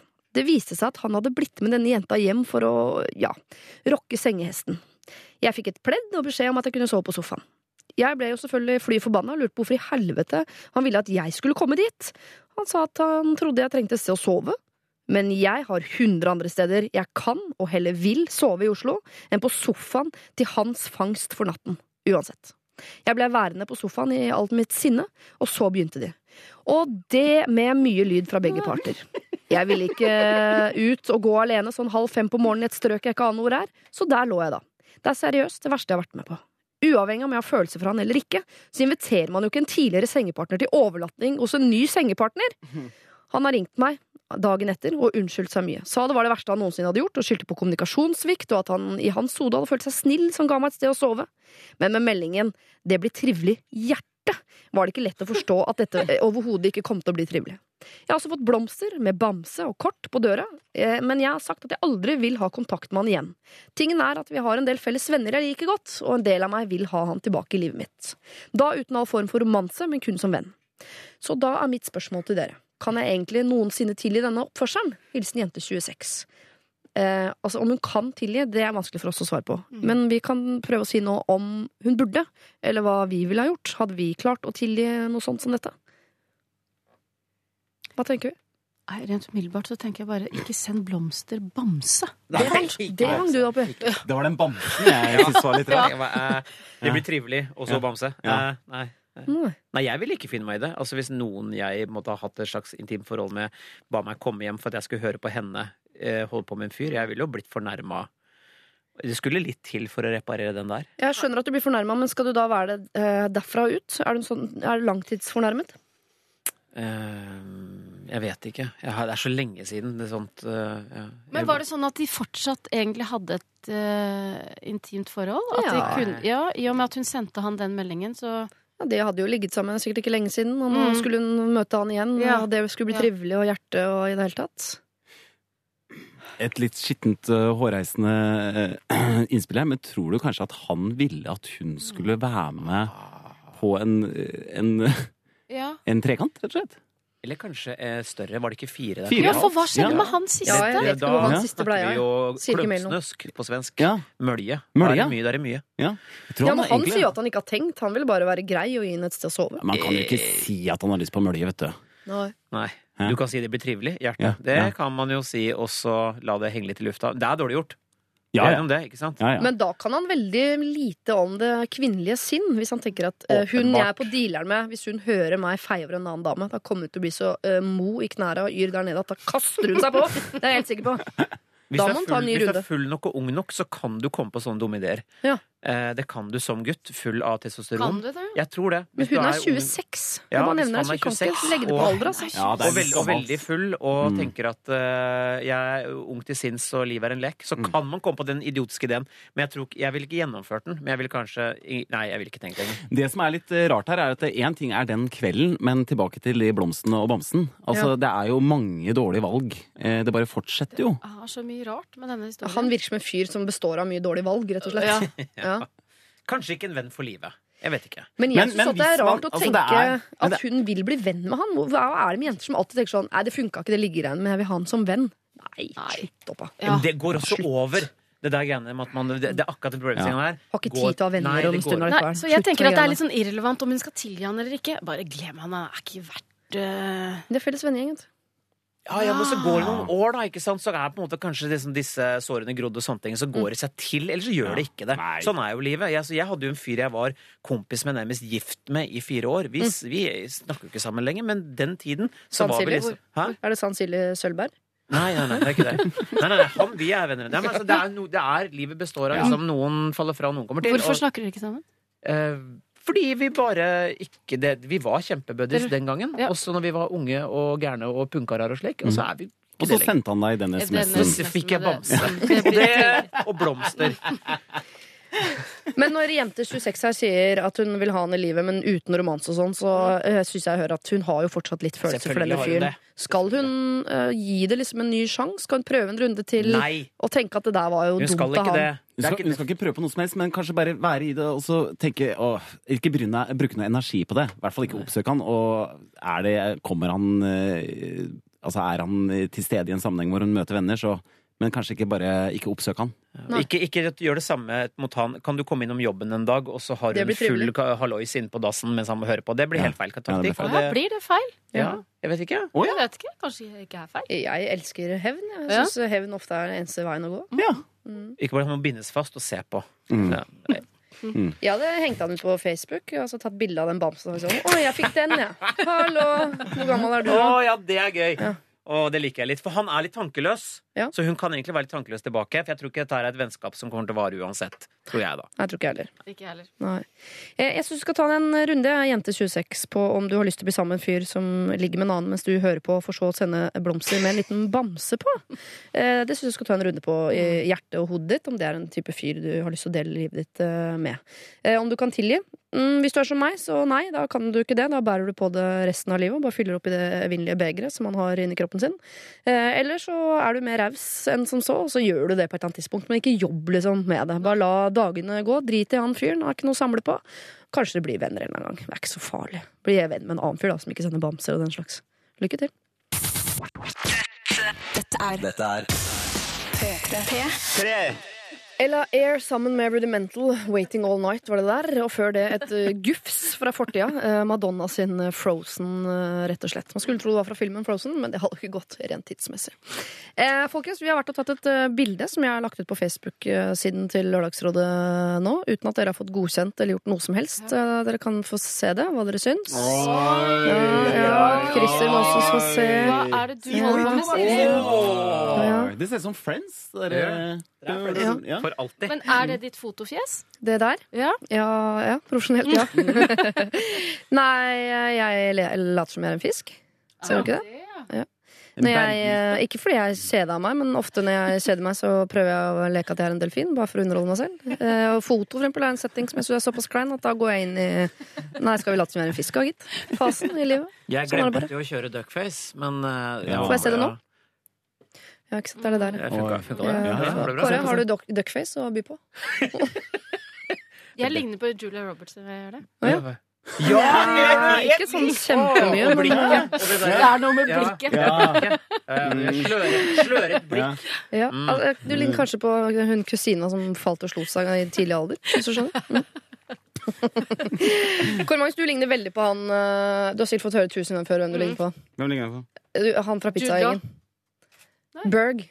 Fra pizzagjengen. Å ja, gjør Nei, jeg det? syns du det? Ja, dere, Han eksen opp, til Scarlett Johansson? Eksen til Scarlett Johansson. En blanding av han og han andre som er enda mer tullete. Han ligner på Jude Eh, Law. Pet Detective. Jude Law? Ja. Yes. Er det ikke det, er det, ikke det du gjør? Nei, Vet ikke hvem jeg. Jeg syns jo det er greit. beklager. Men, og Kåre Magnus er så pen at han kunne vært eh, sånn uh, Boksershortsmodell? Filippa K-modell. Oh, ja. Du vet sånn åh, med sånn Teita sånn jeans. underernært, Teit, ja, eh, ja. Skal jeg fortelle en modellhistorie? Ja. ja. Eh. Fordi jeg var eh, i Danmark en gang. en gang jeg er jo der hele Ja, tida. Eh, men så ble, var jeg på en klesbutikk, da kom det en sånn fyr som sier sånn Nei, eh, det var Mat- eh, ja. Eh, så kom, kom det en danser og sier sånn Du, eh, jeg er fra ti du, ser riktig godt ut, mann.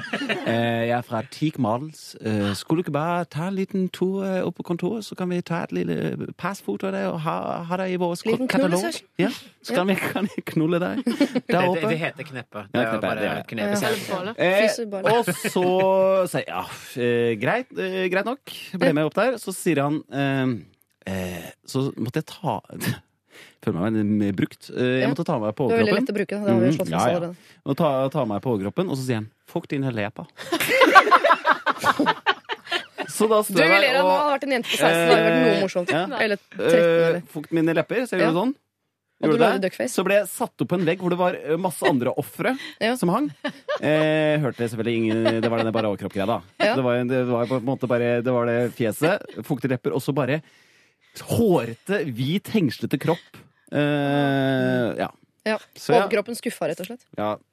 Kan jeg fortelle mi, om min modellkarriere? Mhm. Det må være kort. Og Ja, det den mener er jeg på kort. mange måter, For vi skal videre i Det programmet. var veldig kort. Ingrid Gjessing og jeg Ja. jobbet på Idol. Fikk tilbud fra Ski Storsenter om å gå eh, modell eh, på, på Storsenteret en lørdag. Vi takket ja. Vi Ja. gikk Sånn kan man jo ikke takke nei til. Får bare klær generelt fra Storsenteret. Klær. Åh. det ypperste av klær fra Ski Storsenter en lørdag formiddag. Fra, sikkert fra de dyre butikkene der, eller? Ja, fra alt. Skonnerd? Hva følte du etter at du har gjort dette her? Sånn ettertid? Eh, Ingrid og jeg lo så Vi lå eh, eh, Vi rullet inn på scenen, for vi lo så fælt. Hadde dere fukte, fukta dere vi, leppene fuktet, vi passet på å fukte leppene Ja, det vi må man gjøre alltid. Hvilke lepper da? Klokka har blitt såpass mye. Hvis dere vil høre om modellkarrieren til Christer Torjussen og meg selv, så må dere dessverre vente, for vi skal videre i programmet her i Lørdagsrådet. Ja. Vi skal eh, på ferie, faktisk. Hvem som får være med, det er litt opp til eh, rådgiverne for i dag. Eh, Men først skal vi høre Kid Astray. Dette her er No Easy Way Out. Lørdagsrådet på P3. Kid Astray, altså. No Easy Way Out har vi hørt. Og før det så sa vi at vi skulle på eh, ferie, men det er ikke helt avgjort hvem som skal få lov til å være med på disse feriene. Eh, Dere er med å avgjøre det i dag. Christer Torjussen, Solveig Kloppen og Kåre Magnus Berg. Eh, her er det et par som skriver inn til oss. Vi er en venninnegjeng på fire som har kjærester som går overens, og barn som er på ca. samme alder. Vi har det gøy sammen både i hverdagen og på fest, men ferie det går ikke så bra. Det vil si, Tre av oss fungerer fint sammen, men det siste paret er, sorry to say, grusomme å være sammen med på tur. Mannen går ekstremt dårlig overens med en av jentene, og det blir veldig tydelig på tur. Dessuten stresser de veldig. De orger og styrer fra morgen til kveld. Hvor skal vi nå? Hva skal vi gjøre etterpå? Hvor skal vi spise? Hvem støvsuger? Og det er for det meste faktisk han som styrer. Vi får lyst til å skrike 'slapp av', 'sett deg ned', 'ta en øl'. Vi andre er mer laksa, kan du si, og det er jo det ferie handler om. Resultatet er at de aldri er med oss på ferie. Jeg vet at hun er lei seg for dette, og hvert år hinter hun, om at hun skal få være med. Vi later som ingenting. Skal vi fortsette å late som om det er tilfeldig at de aldri får bli med på tur, eller skal vi ta på oss oppgaven og si det som det er? Hilsen herr og fru Laks på ferie. Oi, kinkig. Ja, jeg tror det er mange par som har det sånn for tiden. Alle med barn har en sånn problemstilling med andre man omgås. Mm. Eh, Det er ikke dermed sagt at man passer sammen fordi man har barn som leker sammen. Dette har jeg erfart. Ganske mange tilfeller. Og det er ikke nødvendigvis sånn at barna går bra sammen, selv om de voksne gjør det. Nettopp. Det har jeg erfart. Ja. Ikke sant. Mm. Eh, jeg, eh, helt umiddelbart, så tenker jeg Jeg har vært borti lignende situasjon sjøl. Og hvis de, som dette tilfellet hinter til, på en måte er litt såra, så hadde jeg kanskje med jeg, Ikke alltid jeg tenker over hva jeg sier, men så hadde jeg vært tydelig og sagt at vet du hva, det skar seg veldig sist fordi. Eh, det er grunnen til det. Eh, Mm. sånn, det sånn, og man får renska lufta. Det er vanskelig. Ekstremt vanskelig å sette ord på akkurat sånne ting. At jeg syns dere er maste å være sammen med type ting. For klart det sårer. Ja, Men den er vond å få. ass. det er veldig vondt, men Ja. jeg velger jeg, jeg er kanskje ikke så konfliktsky. Men, eh, men jeg ville selvfølgelig pakka det inn og sagt at nå er ikke det at vi er verdens mest perfekte mennesker, men det er noe med kjemien som Og dette skjedde. Men det er for mange Ja. er det sitter det lenger inne. Men jeg ville, hadde hun spurt han, så hadde jeg sagt det. For de er jo seks stykker som føler på dette her, og så er de da eh, to stykker som sitter og skjønner ingenting. Men det er åpenbart da ikke noe problem når de bare omgås sånn en kveld, en dag. eh. Jeg tipper dette er folk som ikke har noe problem med å henge sammen så lenge det er sånn voksen Mm. eh, Men når det Mm. blir over tid, og man, det er mye sånn stå opp og sovne, og det blir mye sånn logistikk og sånn, så Mm. blir det mye mas fra det ene paret. Ja. Jeg er konfliktsky, eh, så jeg, jeg hadde ikke gjort noe med det. Bare latt det skure og gå. Ja, men bare eh, Du hadde ikke meldt deg på en ferie til med det? Hadde du vel? Nei, nei, nei, nei, nei. Men jeg hadde, ikke, jeg hadde bare liksom Jeg hadde ikke sagt noe. Jeg hadde Bare latt som Martin før, ja. tenk deg kompisen din år etter er sånn Og dere skal til Gran Canaria? Ja, ja, ja. Ja. Det hadde vært hyggelig å være med. Ja, nei, det er kjempevanskelig.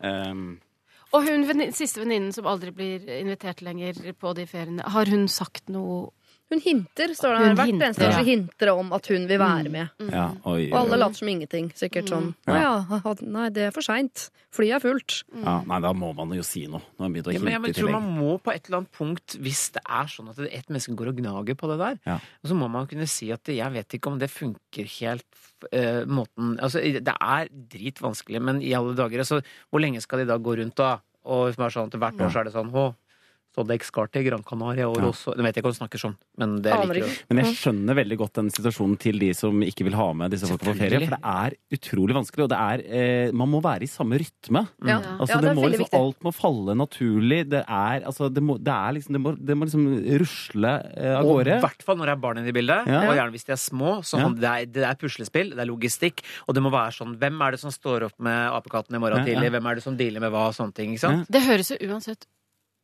ganske slitsomt ut å reise 16 stykker sammen på ferie. Veldig slitsomt. Ja. Ja, men åtte Altså, med og, barna. og med barn. Ja, der er Bare det det er slitsomt. ja, Ja. Det hadde ikke jeg gjort. Men er det, det er jo et forbigående problem også, for etter hvert blir de barna store, og da kanskje de kan begynne å feriere sammen igjen. Så man kan jo fortsette å unngå Jeg bare tenker at jeg, når de Man kan hintene jo kommer så folk fort. med medisiner. Hva sa du? Man for kan bedøve folk med medisiner. Det kan man altså. gjøre. Putte noe i drikk. Absolutt. Hver dag til frokost. Nei, ta det opp, da. Ta Ta det opp. Ta, Ja. si det, da. Men jeg synes det er så rart, for jeg har jo også øh, venner som jeg vet at vi kommer aldri til å dra på ferie sammen med barn. Men da vet jo disse vennene det. For Mm. man merker vel Er det den er det er noe gærent med da? Nei, nei, nei, det er barna. Ikke nødvendigvis. Eh, hvis man er på ferie eh, sammen og man merker at det er litt sånn stress, det lugger i logistikken, som jeg liker å si, Mm. eh, så merker jo alle Så er det så rart at dette ene paret har hatt det kjempehyggelig, mens de seks andre er sånn fy faen, dette er grusomt. Ja. Mm. At ikke de liksom har selvinnsikt nok til å forstå at her er noe som ikke går på skinner. Vi har et uh, vennepar som er litt sånn morsomt fordi at han alltid bikker over og blir litt for lystig på kvelden. Uh, og det, det vet vi. At det før eller siden ok, Ja, der, ja. Ikke sant? Ja. Eh, Men vi er så godt innarbeida altså det, Dette er mennesker man kan si fra til. Ja. Jeg kan si til eh, hun, jeg vil si hun, ikke bruke navn, at eh, dette syns jeg er litt kleint. Og så, så snakker vi Men det, vi er bare sånn anlagt at Ja. vi eh, det, er, det er ikke noe Men hun velger allikevel, å og hun blir allikevel såpass lystig som Nei, eller, mannen hennes Det er mannen. Ja, det er ja, mannen. ja, ja. Alltid mannen. For han er litt sånn som, han er litt sånn som alltid vi sitter og prater, så har han ingen egne meninger. Han er en måte sånn som bare skjønner Ja, du, du gjorde det. Ja, ja. Han er veldig med. Mm. Og så er det sånn ting, Og så er han helt sausete, ikke sant? Ja. Og så blir det veldig rart alt sammen. Da, ikke sant? Så kanskje vi prøver å si sånn eh, Kanskje neste gang eh, stoppe litt før, ikke sant? Mm. Men igjen, dette er så gode mennesker. Og så kan man på en måte være si det, da. Ikke Mm. Og snakke om ok, det er litt sånn kleint når det skjer. Eh, man må velge de vennene, tror jeg, Ja. som man på en måte kan være tydelig med. Men jeg tenker også her at herr og fru Lax mm. De har jo uh, to andre vennepar også. Blant de seks må det være én som er litt mindre konfliktsky enn de andre, som kan ta dette her. Mm. Mm. Sånn at fordi uh, Ja, for ikke gjør det alle å få sånn Å ja, vi er masete, ja, men heller det enn å gå rundt år etter år sånn Hvorfor er de på ferie igjen, og vi er aldri med, og Det er mye vondere enn å få den her beskjeden. Det er ikke det, Vi er glad i dere, men det blir for mye mas på ferie, så kanskje når barna blir store, eller foreslå sånn Ok, det blir ikke Gran Canaria med unger på dere, men vi to kan dra til London i desember. Det blir kjempekoselig. Men kan man, eller er det um- et umulig prosjekt, kan man ta problemet og si vet du hva, det og det, det går ikke. Eh, hvis dere skal være med, så må dere gjøre det og det og det. Eller er det kjørt, liksom? Nei, ja, det, Kan man, kan man kan man få uleksa mennesker til å bli eh, leksa? Nei. Nei, Ja, det det er kan det. man faktisk ikke. Nei, for noen mennesker Hvis noen har et veldig. enormt behov for å støvsuge tre ganger om dagen, så er det behovet der, liksom. Ja, ja. Tror Men- du ikke at man kan gjøre noe med det? Nei, jeg kan ikke det. Nei, vet du hva, faktisk, jeg, vet, du, jeg er litt enig. For at det, man kommer til et punkt hvor du sier Hvis mennesker er veldig vant sånn, hva skal vi gjøre nå? Og, jeg- og, jeg- og, jeg- og så Thea, og dette, ut så- du- støvsuger! Da, så, Ja. Noen mennesker er sånn. Ja, da Og er det da, de må man Kan man ikke få prøve seg på én liten helgetur, da? Si at de Til Norefjell. til Norefjell. Ikke Si at alle, alle 16 drar til Norefjell Ja. en helg. Det blir kjempehelg. da må-. Da må han Mhm. roe ned. Da må han love å telle til ti hver gang han har lyst til å si Finn fram støvsugeren. Mm. Så må han telle til ti. Ja. Eller leie, man kan jo slett leie sånn hver sin leilighet. Sånn, da kan jo dere støvsuge tre ganger om dagen i deres leilighet, Men mens vi drikker er drinker i min. Men hvorfor støvsug? Kan de ikke ja, rett og slett dra et sted hvor de all inclusive, hvor folk bare ordner ting for deg, da? Dette er Ja. veldig viktig. Når vi skal man reise på ferie sammen med andre, skal man ha hvert sitt tak over hodet. Det der å dele hytte og tro at liksom Du, nei, vi har et rom til dere til over Det er eh, Det går noen dager, og så går det utforbakke. Mm. Veldig lett. Ja. Det blir, man går og irriterer seg over hverandre. Man skal leie hver sin hytte. Da har man hvert sitt areal å trekke seg tilbake til. Så kan man møtes på fellesarealet. Mm. Gjerne hvor det er grill. Ja. Vi er ti par, vi som skal uh, Er det et hus sammen i august. Lykke til! Takk. Gleder meg til det. Solveig uh, Ja, jeg tenker Neste gang uh, hun venninnen begynner å hinte, Ja. så tar, tar dere den praten. Eh, Når det hintes. Når det hintes, ta det i hintingen. Mhm. eh, ja, jeg skjønner at du syns det er rart, eh, men nå skal du høre. Grunnen til det er Og så, og så kan man gi dem en sjanse, tenker jeg. Én ferietur Men ikke dra så langt. Du Nei. gjør et forsøk. Dra bare Dra, dra liksom en uh, time unna. Flateby. Ja, ikke de tre ikke- ikke ukene til Danmark, liksom. For Nei. hvis du har gitt dem en sjanse, så merket dere ett døgn sånn Oi, vi angrer. Ja. Fordi at jeg kjenner sånn Hjemme hos meg så kan jo jeg eh, eh, gjennom hele vinteren eh, Er det lett for at jeg si, starter hver dag med å si 'Kjartan! Ullvottene! Hvorfor ligger ikke de?' Så, ikke sant? Og det er jo mens, Men så sier Kjartan ifra innimellom. Mm. Vet du hva? Vi kan ikke starte hver dag med at du mm, roper etter de ulvottene, for de dukker opp. Ja. De dukker opp. Slutt om Og da er det en lang periode hvor jeg tenker i det er, Den replikken er i ferd med å falle ut fra min munn. Tenk, tenker nei, nei. De dukker opp. De dukker opp. Ja, de dukker opp. Og jeg lærer. Og så, Og så har han mista de, og så får han så mister jeg jeg det igjen, da. Ikke sant? Men det går an å Det går til og med an å kjøpe nye dersom Mm. de Mm. Ja. Men ikke ullvotter, for det er gjerne strikka og Ja, arvegods og sånn. Ja, ja, Ja, ja, ja, så det er ikke sånn polvotter på hennes. Men ikke sant? jeg tenker at de, de må Mm. Kanskje er ikke de klar over Nei. At Nei, jeg tenker at de må stoppes. Eller de må forklares hva det Mm. er. Men så må de få en sjanse. Jeg kasta en pose med ullklær eh, som var strikka til, eh, ga de til eh, returstasjonen. De skulle egentlig på loftet. Bare for å skyte ned den ulldebatten. Ja, det ble ikke pent, altså. Nei, så de dukker ikke alltid opp, de ulvottene. De dukker ikke opp. De dukker opp på Fretex. Du Ja. gå og kjøpe dem tilbake der. Ja. Hvis du ikke Det er jo verre enn å vaske de feil. Ja, ja. Helt krise. Ja, ja, ja, ja, ja. Dette er voksenproblemer, alle lyttere. Voksenproblemer, Ekstreme voksenproblemer. Ikke gjør dette. Nei, ikke gjør det. Jeg begynte å mislike allerede tidlig i sendinga det malerigreiene. Nå har det gått helt ut for oss. så.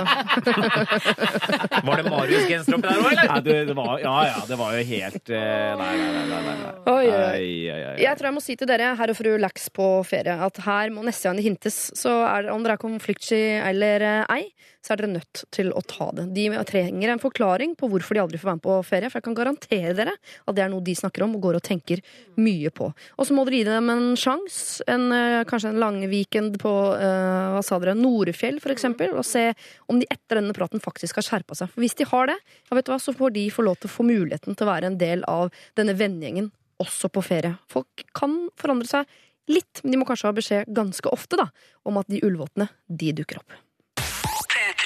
Dette er NRK P3.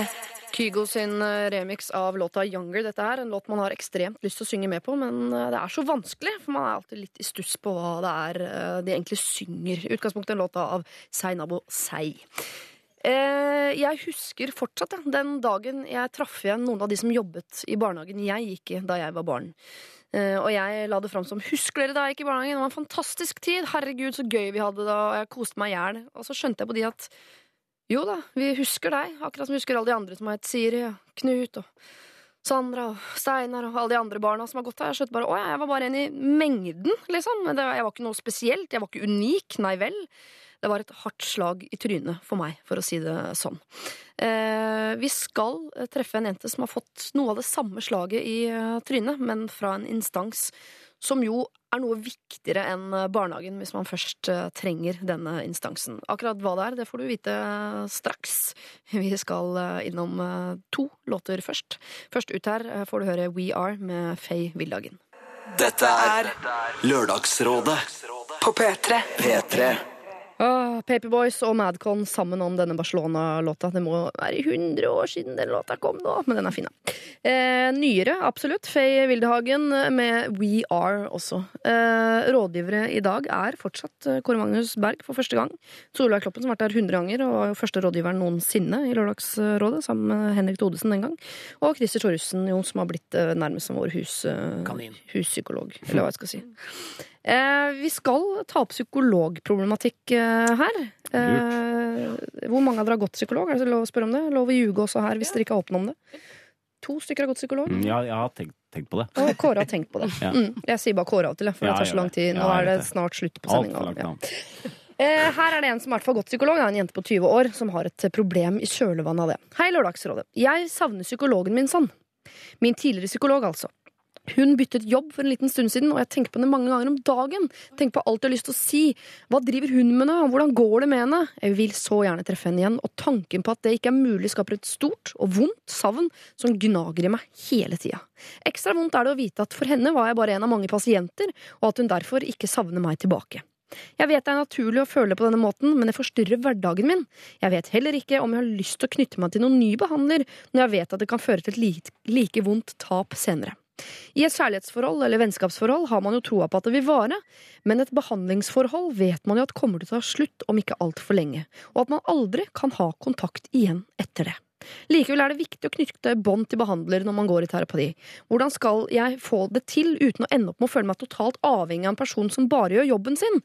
Hva kan jeg gjøre for at det ikke skal bli like smertefullt igjen? Og aller viktigst, hvordan kan jeg komme over tapet av min tidligere psykolog? Jeg håper dere kan hjelpe meg. Vennligst hilsen jente, 20-åra. Jeg syns det er interessant at hun skriver 'Jeg lurer på hvordan det går med henne', altså med psykologen. Ja, Er ikke det hun sa? Altså, hun Jeg tenker at hun hun, hun Savner psykologen. at psykologen lurer på hvordan det går med jente. Vår jente. Ja, antageligvis ikke de har utviklet det litt sånn Det er jo, Jeg vet ikke om det er noen psykologer som også deler av eget liv for å normalisere eller Nei, jeg Det hadde ikke. vært litt deilig. Ja. Det, Jo, og smart. det det, Ja, jeg hadde ja. sur hvis jeg hadde gått. Har det skjedd? Ah, det skjedd. Ja, for jeg fikk jo mestringsangst når jeg fikk barn. Jeg, måtte til, jeg, jeg var livredd for at jeg ikke, jeg ikke kunne håndtere dette. Mm. Og den angsten var eh, irrasjonell, men for meg var den reell. Ja. Og, og fikk fort time, fordi de vil gjerne hjelpe eh, i sånne situasjoner. Og hun var heldigvis en, en eh, dame eh, i 30-åra med barn. Eh, hadde det vært en mann på 55, så sa det og sa «Å, ikke problem, så hadde jeg Skjønner du? Mm. Hun Mm. kunne på en måte, om ikke dra fram veldig mye, men jeg følte i hvert fall at jeg var i en, en lik situasjon, da. Ikke Ja, og hvor ja. hun sa 'jeg har også hatt det på samme Nei, men hun på en måte sånn Nei, å nei, hun sa ikke Nei, nei, nei. Nei. nei men altså, hun hadde barn selv. Ja. Og da er det mye lettere på en måte å, å- på en måte at man blir Og jeg skjønner det der. At Ja. man kan knytte seg til en psykolog i en sånn situasjon. Men uh, det, jeg vet ikke hva hun skal gjøre. Jeg, jeg tenker at hun må gi slipp, og kanskje at en venninne eller en venn tar den rollen, da. Kanskje som en, en samtale. Det virker som hun har veldig behov for å på en måte snakke om ting. Mm. Og da kanskje man må henvende seg til en, en venn, eh, eller to. I, I beste fall tre, hvis man har sånne her venner. Ja, men jeg tenker også at noen Det er sikkert fint at noen også går til psykolog, så ikke man blir en sånn Ja. eh, som suger energi ut av vennene sine, som alltid legger seg vannrett og skal snakke om godt vanskelige poeng. ting. Ja, godt poeng. Mm. Godt poeng. Det er jo derfor vi har psykologer. Ja. Men hvorfor har hun så Jeg syns også det er rart at hun har så behov for å vite åssen det går med henne. Har hun snakket mye om sitt liv, denne psykologen? Jeg hadde blitt sur hvis jeg brukte penger på å gå til psykolog, så la hun seg i vannrett og sa sånn Nei, nå er det tungt. Det er helt åpenbart at hun, det er åpenbart at har da endelig følt at hun har funnet en hun kan prate ordentlig med. Og kanskje Ja. hun hadde ikke hatt det før da. Ja. Før hun møtte psykologen sin, som virkelig hun følte at det, nå kan jeg snakke om alt. Og så, så kanskje hun mangler da denne Ja. vennen som jeg sier at gå til, som Ja. jeg jeg ikke vet om fins. Eh, kan hende at dette er et menneske som har sosial angst, eller ikke har så mange eh, venner rundt seg. Da. Ja, men det vel en psykolog gjør, som jo også fysioterapeuter og tannleger og sånn gjør, som eh, er jo grunnen til at man blir forelsket hver gang man går til en eller annen behandler, for de er jo bare opptatt av at du og kroppen din skal ha det godt. Det er null sånn egne referanser og jeg og meg, og nå skal vi snakke litt om meg og sånn. Det er bare all fokus på deg. Man blir jo alltid forelsket i disse men menneskene. Og kan- det, hun jenta her i 20-årene er på en måte litt forelsket i sin forrige psykolog. Hun Men- som ser henne så Ja. Men kanskje hun skal bare da prøve å tenke på at eh, ikke at denne psykologen er falsk, men at det er faktisk jobben, som du sier, Ja. til psykologen. Altså det, ellers så hadde det vært en dårlig psykolog. Eh, så det er jobben til psykologen. Ja. Eh, og alt annet hadde vært litt rart. Ja, for de hadde jo, Jo, nei, men- gått under hvis de hadde Ja, ja. engasjert seg sånn rent personlig, alle pasientene. Men hun sier det jo selv også. Det gnager i meg å vite at jeg nok bare var en av hennes mange pasienter. Ja. Ja, dessverre. Mm. Det, Det er sånn er det. Men åpenbart har det vært en god kjemi der, da. For er jo Mm. ikke, man kan jo ikke, det er ikke alle psykologer man eh, Selv om de sitter og hører på deg, så er det jo ikke alle man føler ser en like godt allikevel. Mm. Nei. Det var mitt poeng med hun med Var det det, ja? det var, ja. ja, ja, ja. Det formulerte tatt så Jeg får meg så dårlig. Jeg, Ja, ja, La det fram så dårlig! Allerede tatt det poenget der. Ja. Men hva, eh, hvis vi, ok, hun psykologen kommer hun ikke til å ha noe for Hun må liksom gå videre fra henne. Men hun hun sliter jo med å gå videre. Hun, vil ikke knytte, hun syns det er vanskelig å skulle knytte de båndene igjen. Fordi hun vet at det kommer til å ta slutt. Og jeg skjønner at det er litt demotiverende å skulle vite Å, skal jeg bli virkelig glad i en person som jo forsvinner? Men Ja. for, for hva har skjedd med hun psykologen? Har hun gått over i et annet Bytta jobb. virke? Bytta jobb? Ja, altså, Nå var sikkert psykolog på Hamar, da. Nå er hun, Ja, eh, nå er hun PC. Ja. Mm. Det er for langt. Det er for langt. Mm. Mm. Nei, det, jeg vet ikke. Det er vanskelig å gi noe råd her. Det er jo jobben deres, på en måte. Og det, og det er jobben din å gi råd. Ja, Så ja, ja. ja. Hva, eh, men jeg, altså, vi driter i den forrige psykologen. Ja. Og det må Ja, også må jenter i 20-årene gjøre. ja, ja. Men hvordan skal hun eh, Hva slags bånd skal hun knytte til neste psykolog? For hun er ikke ferdig hos psykolog. Hun sier at hun ikke er ferdig hos Ja, psykolog. hun må ha Ja. ny. mm. Ja. Trenger Da, flere. men da må hun gjøre det.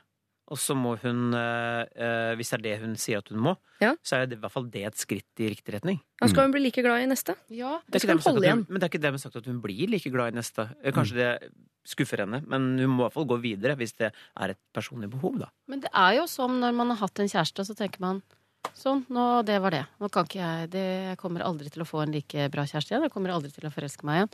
Og, og jips! Nei. Så, Enda bedre. Enda bedre, ja. Ja. Men vil vi at hun skal møte en som hun blir enda mer glad i? Man skal ikke bli så glad i psykologen sin. Man skal gå ut derfra og er det en del av psykologens jobb å, å avruse dem mot slutten der? Altså Gjøre dem mindre og mindre avhengig av seg? Kanskje det er derfor hun går til psykolog. At hun blir så glad i psykologer. Hun knytter seg, Ja. hun knytter seg antakeligvis veldig til mennesker da, som Ja. hører på Mm. henne. Men det er som du sa Mm. innledningsvis, det, er ikke, det spørs jo hva slags behov hun har. Hvorfor går hun til psykolog? Mm. Altså, kanskje hun leter eh, eh, feil sted? Kanskje hun, eh, hun trenger jo åpenbart eh, Hun. Hæ? Kanskje hun trenger hun. Ja, Ja. hund. Ja. Hun trenger jo Hunder åpenbart hund. Ja, Jeg trenger trodde det en du hund. skulle si. Ja. Jeg, jeg vet ikke. Jeg, jeg, jeg tror At hun dette trenger her en hund? Og hamster, det er helt meningsløst. Hun er bra. Ja, ja. ja for det gir ikke som noe, noe tilbake. Hamstere. Nei, hamster gjør ikke ja, Så dør det veldig kjapt. Ja, Så er de redd for alt. Ja. Men jeg bare ser for meg at denne psykologen her eh, Grunnen til at hun har blitt så knytta til psykologen, er jo fordi hun har hoppet av midt i. Det er jo noe uforløst der. Mm. Hvis hun eh, blir ferdig hos psykologen, sånn at det virker som når hun går ut døra der, så er det sånn eh, Da er jeg frisk og rask, tusen takk. Så vil hun ikke ha noe behov for å ha noe med den psykologen å gjøre igjen. Er det ikke sånn da? Det er ikke sånn, Hvis jeg hadde hatt perfekte tenner, så Jeg gidder ikke å bruke det bildet, for det er for dumt. Mm. Jo, rett og slett. jo. Ja, Jeg stopper meg sjøl der, altså. Men, jo, men også kan det jo hende at hun Ok, hun finner en ny psykolog. Ta den første praten, da. Ha, hvor lenge har du tenkt å bli i denne jobben? Har du noen planer om å flytte? Ah, Ikke sant? Og, og så nei. Eh, og hvis, hvis, hvis det viser seg at hun, at hun psykolog går med flytteplaner, så finn en annen psykolog.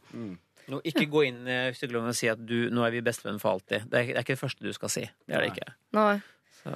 Ah, Man kan jo legge fram det til neste psykolog at det er, eh, om ikke det er mm. utgangspunktet problemet eh, jeg kommer hit med, så er det også et problem i min store sekk. Nemlig at jeg har knyttet meg veldig, knyttet meg veldig Ja. til min forrige psykolog. Så Ja. kan du hjelpe meg til å eh, At jeg ikke blir så avhengig av deg på en eller annen måte. Da, I hvert fall mot slutten der. Ja, sånn, ja. Smart.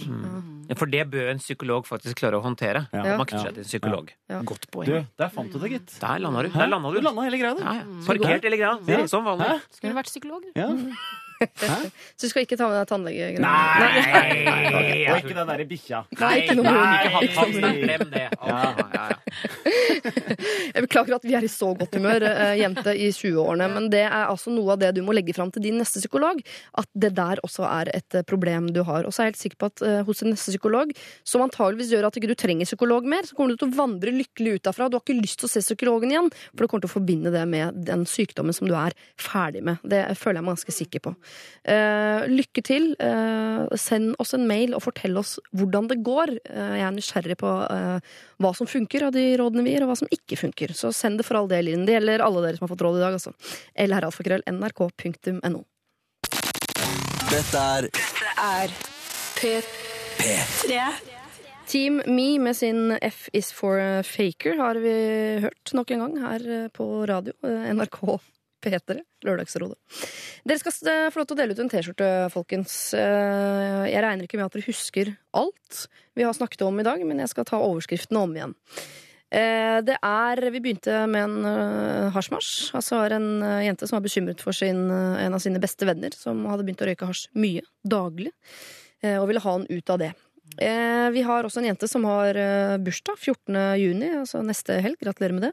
Eh, kjæresten hennes velger å dra på hytta med foreldra sine. Det syns hun var eh, litt dårlig prioritert fra hans side. Eh, vi har jo da mitt problem. Jeg trenger ikke noe T-skjorte. Jeg vil bare si, For jeg har nøkkel til det rekvisittalageret. Så hvis jeg trenger noe der, så henter jeg det. Men det, det dreide seg da om disse to som jeg vil spleise. En fra Oslo og en fra Son, som begge har hund. God morgen. Eh, og så har vi da den jenta som trodde hun skulle på et nachspiel og kanskje ha sex med denne gutten som hun hadde hatt sex med flere ganger før, men nei, hun skal sove på sofaen mens han hadde sex med en annen jente.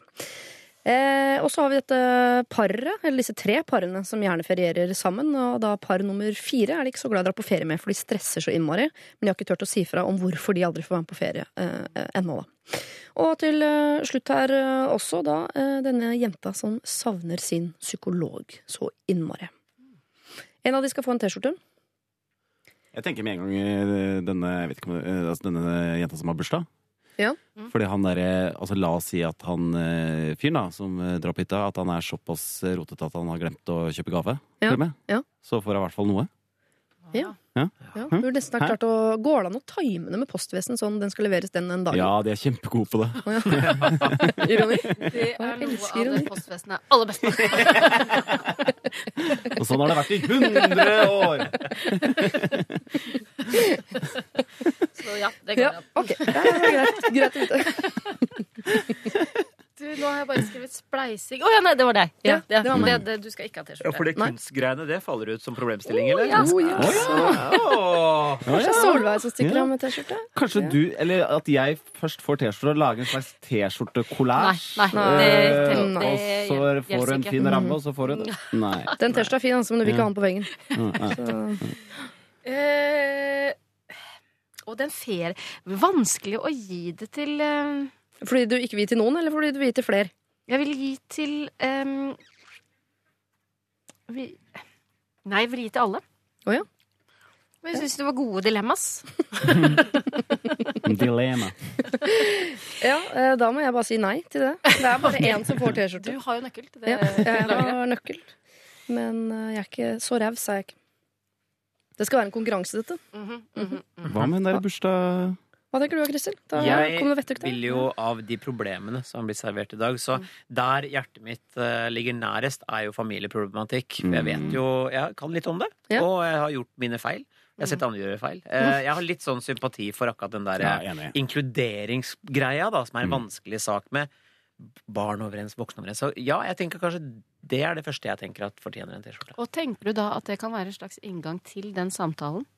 Kanskje det, at det seg den- motiverer henne til å okay, være tydelig og ærlig og si At at hun tar, har på seg den T-skjorta. Mm. Venninnen sier 'oi, hvorfor har, hvor har du fått uh, hva, hva Og da setter hun på strengblikk og sier jo, nå skal du faen meg Mm. høre. Nei, hun skal si uh, det som jeg, på måten jeg opplever ting på, at jeg syns det kanskje blir litt masete. Mens hun tar på T-skjorta? Ja, mens hun gjør sånn. Mm. Holder seg inntil sånn, sier at jeg Da syns ikke at det blir står litt, Petre. blir litt stre, Ikke mas... Ikke, men, men sier sånn Hold hånda litt til sånn- venstre. Det blir litt stress, liksom. At det blir mer masete enn ferie. Hør på det. Hørte du den setningen? Det blir masete enn det blir ferie. Tusen takk for meg! Ja, jeg er solgt, men åssen er det med eh, såre Sagnus og Solveig Kloppen? Nei, jeg er jeg er fortsatt på den bursdaggreia. Ja, dere må bli enige. Jeg eh, Nei, men jeg, jeg er mer eh, Jeg går for ferie, jeg òg. Tenker Ja. at eh, hun eh, med bursdagen Hun eh, hun kommer til å få så mye annet. Hun, jeg er sikker på, og, og jeg stoler ikke på postvesenet. Sånn at, eh, sånn at jeg går for ferie. Ja, ok, da. Jeg er med på det. Jeg er med det. Jeg er med Greit. på Ja, ja. Men ferie-T-skjorte. jeg, jeg, jeg er helt enig. Det er jo veldig Opplevd det på kroppen. Men hvem er det som skal ha T-skjorta? Hun eh, jenta som har sendt inn problemet? Samme sammen samboeren sin? Eller er det da samboeren? Eller er det da denne venninnen som aldri får være med? Eller? Ikke venninnen som Nei, aldri får være med. nei, Nei. Nei, for det blir ydmykende. Men det kommer jo helt an på T-skjorta. Er, den- er den innsvingt? Er den kort? Er den, Vi har begge deler. Hæ? Vi har begge deler. hvem er finest? Den innsvingte eller den Innsvingt alltid vinner en rett. Ja, da er det Sa min far. Hun får det. Ok, så da blir det altså kvinnen i forholdet som sendte inn problemet om lax-ferie versus stressferie, som får en T-skjorte av typen innsvingt. Eh, Hvis typen din er av type innsvingt, da, så kan dere jo dele på den. Eh, Hvis ikke så blir det rart. Det ser veldig dumt ut. Ja, med innsvingt på ikke innsvingt Ja, ja, ja, ja. kropp. ja jeg prøvde. Ja. Fins det med utsving? Utsving, ja. Mm. ja. Eh, De blir i hvert fall med utsving etter hvert, de som i utgangspunktet var rette, da. Kan skje. Eh, hva gjenstår å si? Gjenstår å si tusen takk for i dag, kjære rådgivere. Det har vært en fest fra ende til eh, annen. Vi har rydda opp i mine problemer, vi har rydda opp i Solveig sine problemer, og vi har tatt tak i en del andre problemer også. Jeg er fornøyd. Eh, takk for i dag. Ikke lag noen store greier på tirsdag. Da. Nei. Du, på bursdagen din, Solveig? Mm, Nei, ikke ikke- min heller. På sønnen, søndag. ikke. Ikke, Nei. ikke gjør noe stort nummer ut av det. Ikke gjør noe stort. Nei, jeg hater gaver og kaker og alt det. Ikke. Oppmerksomhet. Jeg vil ikke ha det. Dra på hytta. Ja. Eh, gratulerer med dagen til alle som har det innen neste gang vi snakkes. Eh, og ha en fortreffelig lørdag videre, da, folkens. Takk. I like måte. I like måte. da. Mm. P3 Lørdagsrådet. på P3. Aurora Aksnes med sin 'Awakening' fikk du der. Og jeg tenkte bare å si, før du på en måte legger bort penn og papir, lener deg tilbake for å høre på Radioresepsjonen, at eh, denne sendingen her, og alle andre sendinger vi har hatt siden eh, 90-tallet, kan du laste ned som uh, podkast. det er eh, løgn, det er helt riktig. Men ja, det har blitt noen år nå med Lørdagsrådet, så last det ned og kos deg i hjel med det. Gjør det gjerne samtidig som du ser på bildet av dagens rådgivere på Facebook, og de rådgiverne som har vært her eh, tidligere. Eh, Men se på bildet som hører til sendingen du hører på, hvis ikke så kan du bli litt gæren, rett og slett. Neste lørdag eh, kommer eh, Erik Solbakken hit og skal være rådgiver, sammen med P3 Morgens egen eh, Silje, og ikke minst Bjørn Eidsvåg. Så gled deg til det, og send inn et problem du tenker at de kan hjelpe deg med. Eller nrk.no. Fram mot nyhetene her, altså Sia med sin Chandelier, og jeg ønsker deg god lørdag videre.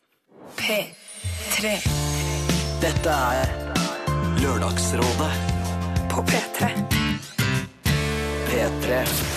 Hør flere podkaster på nrk.no podkast.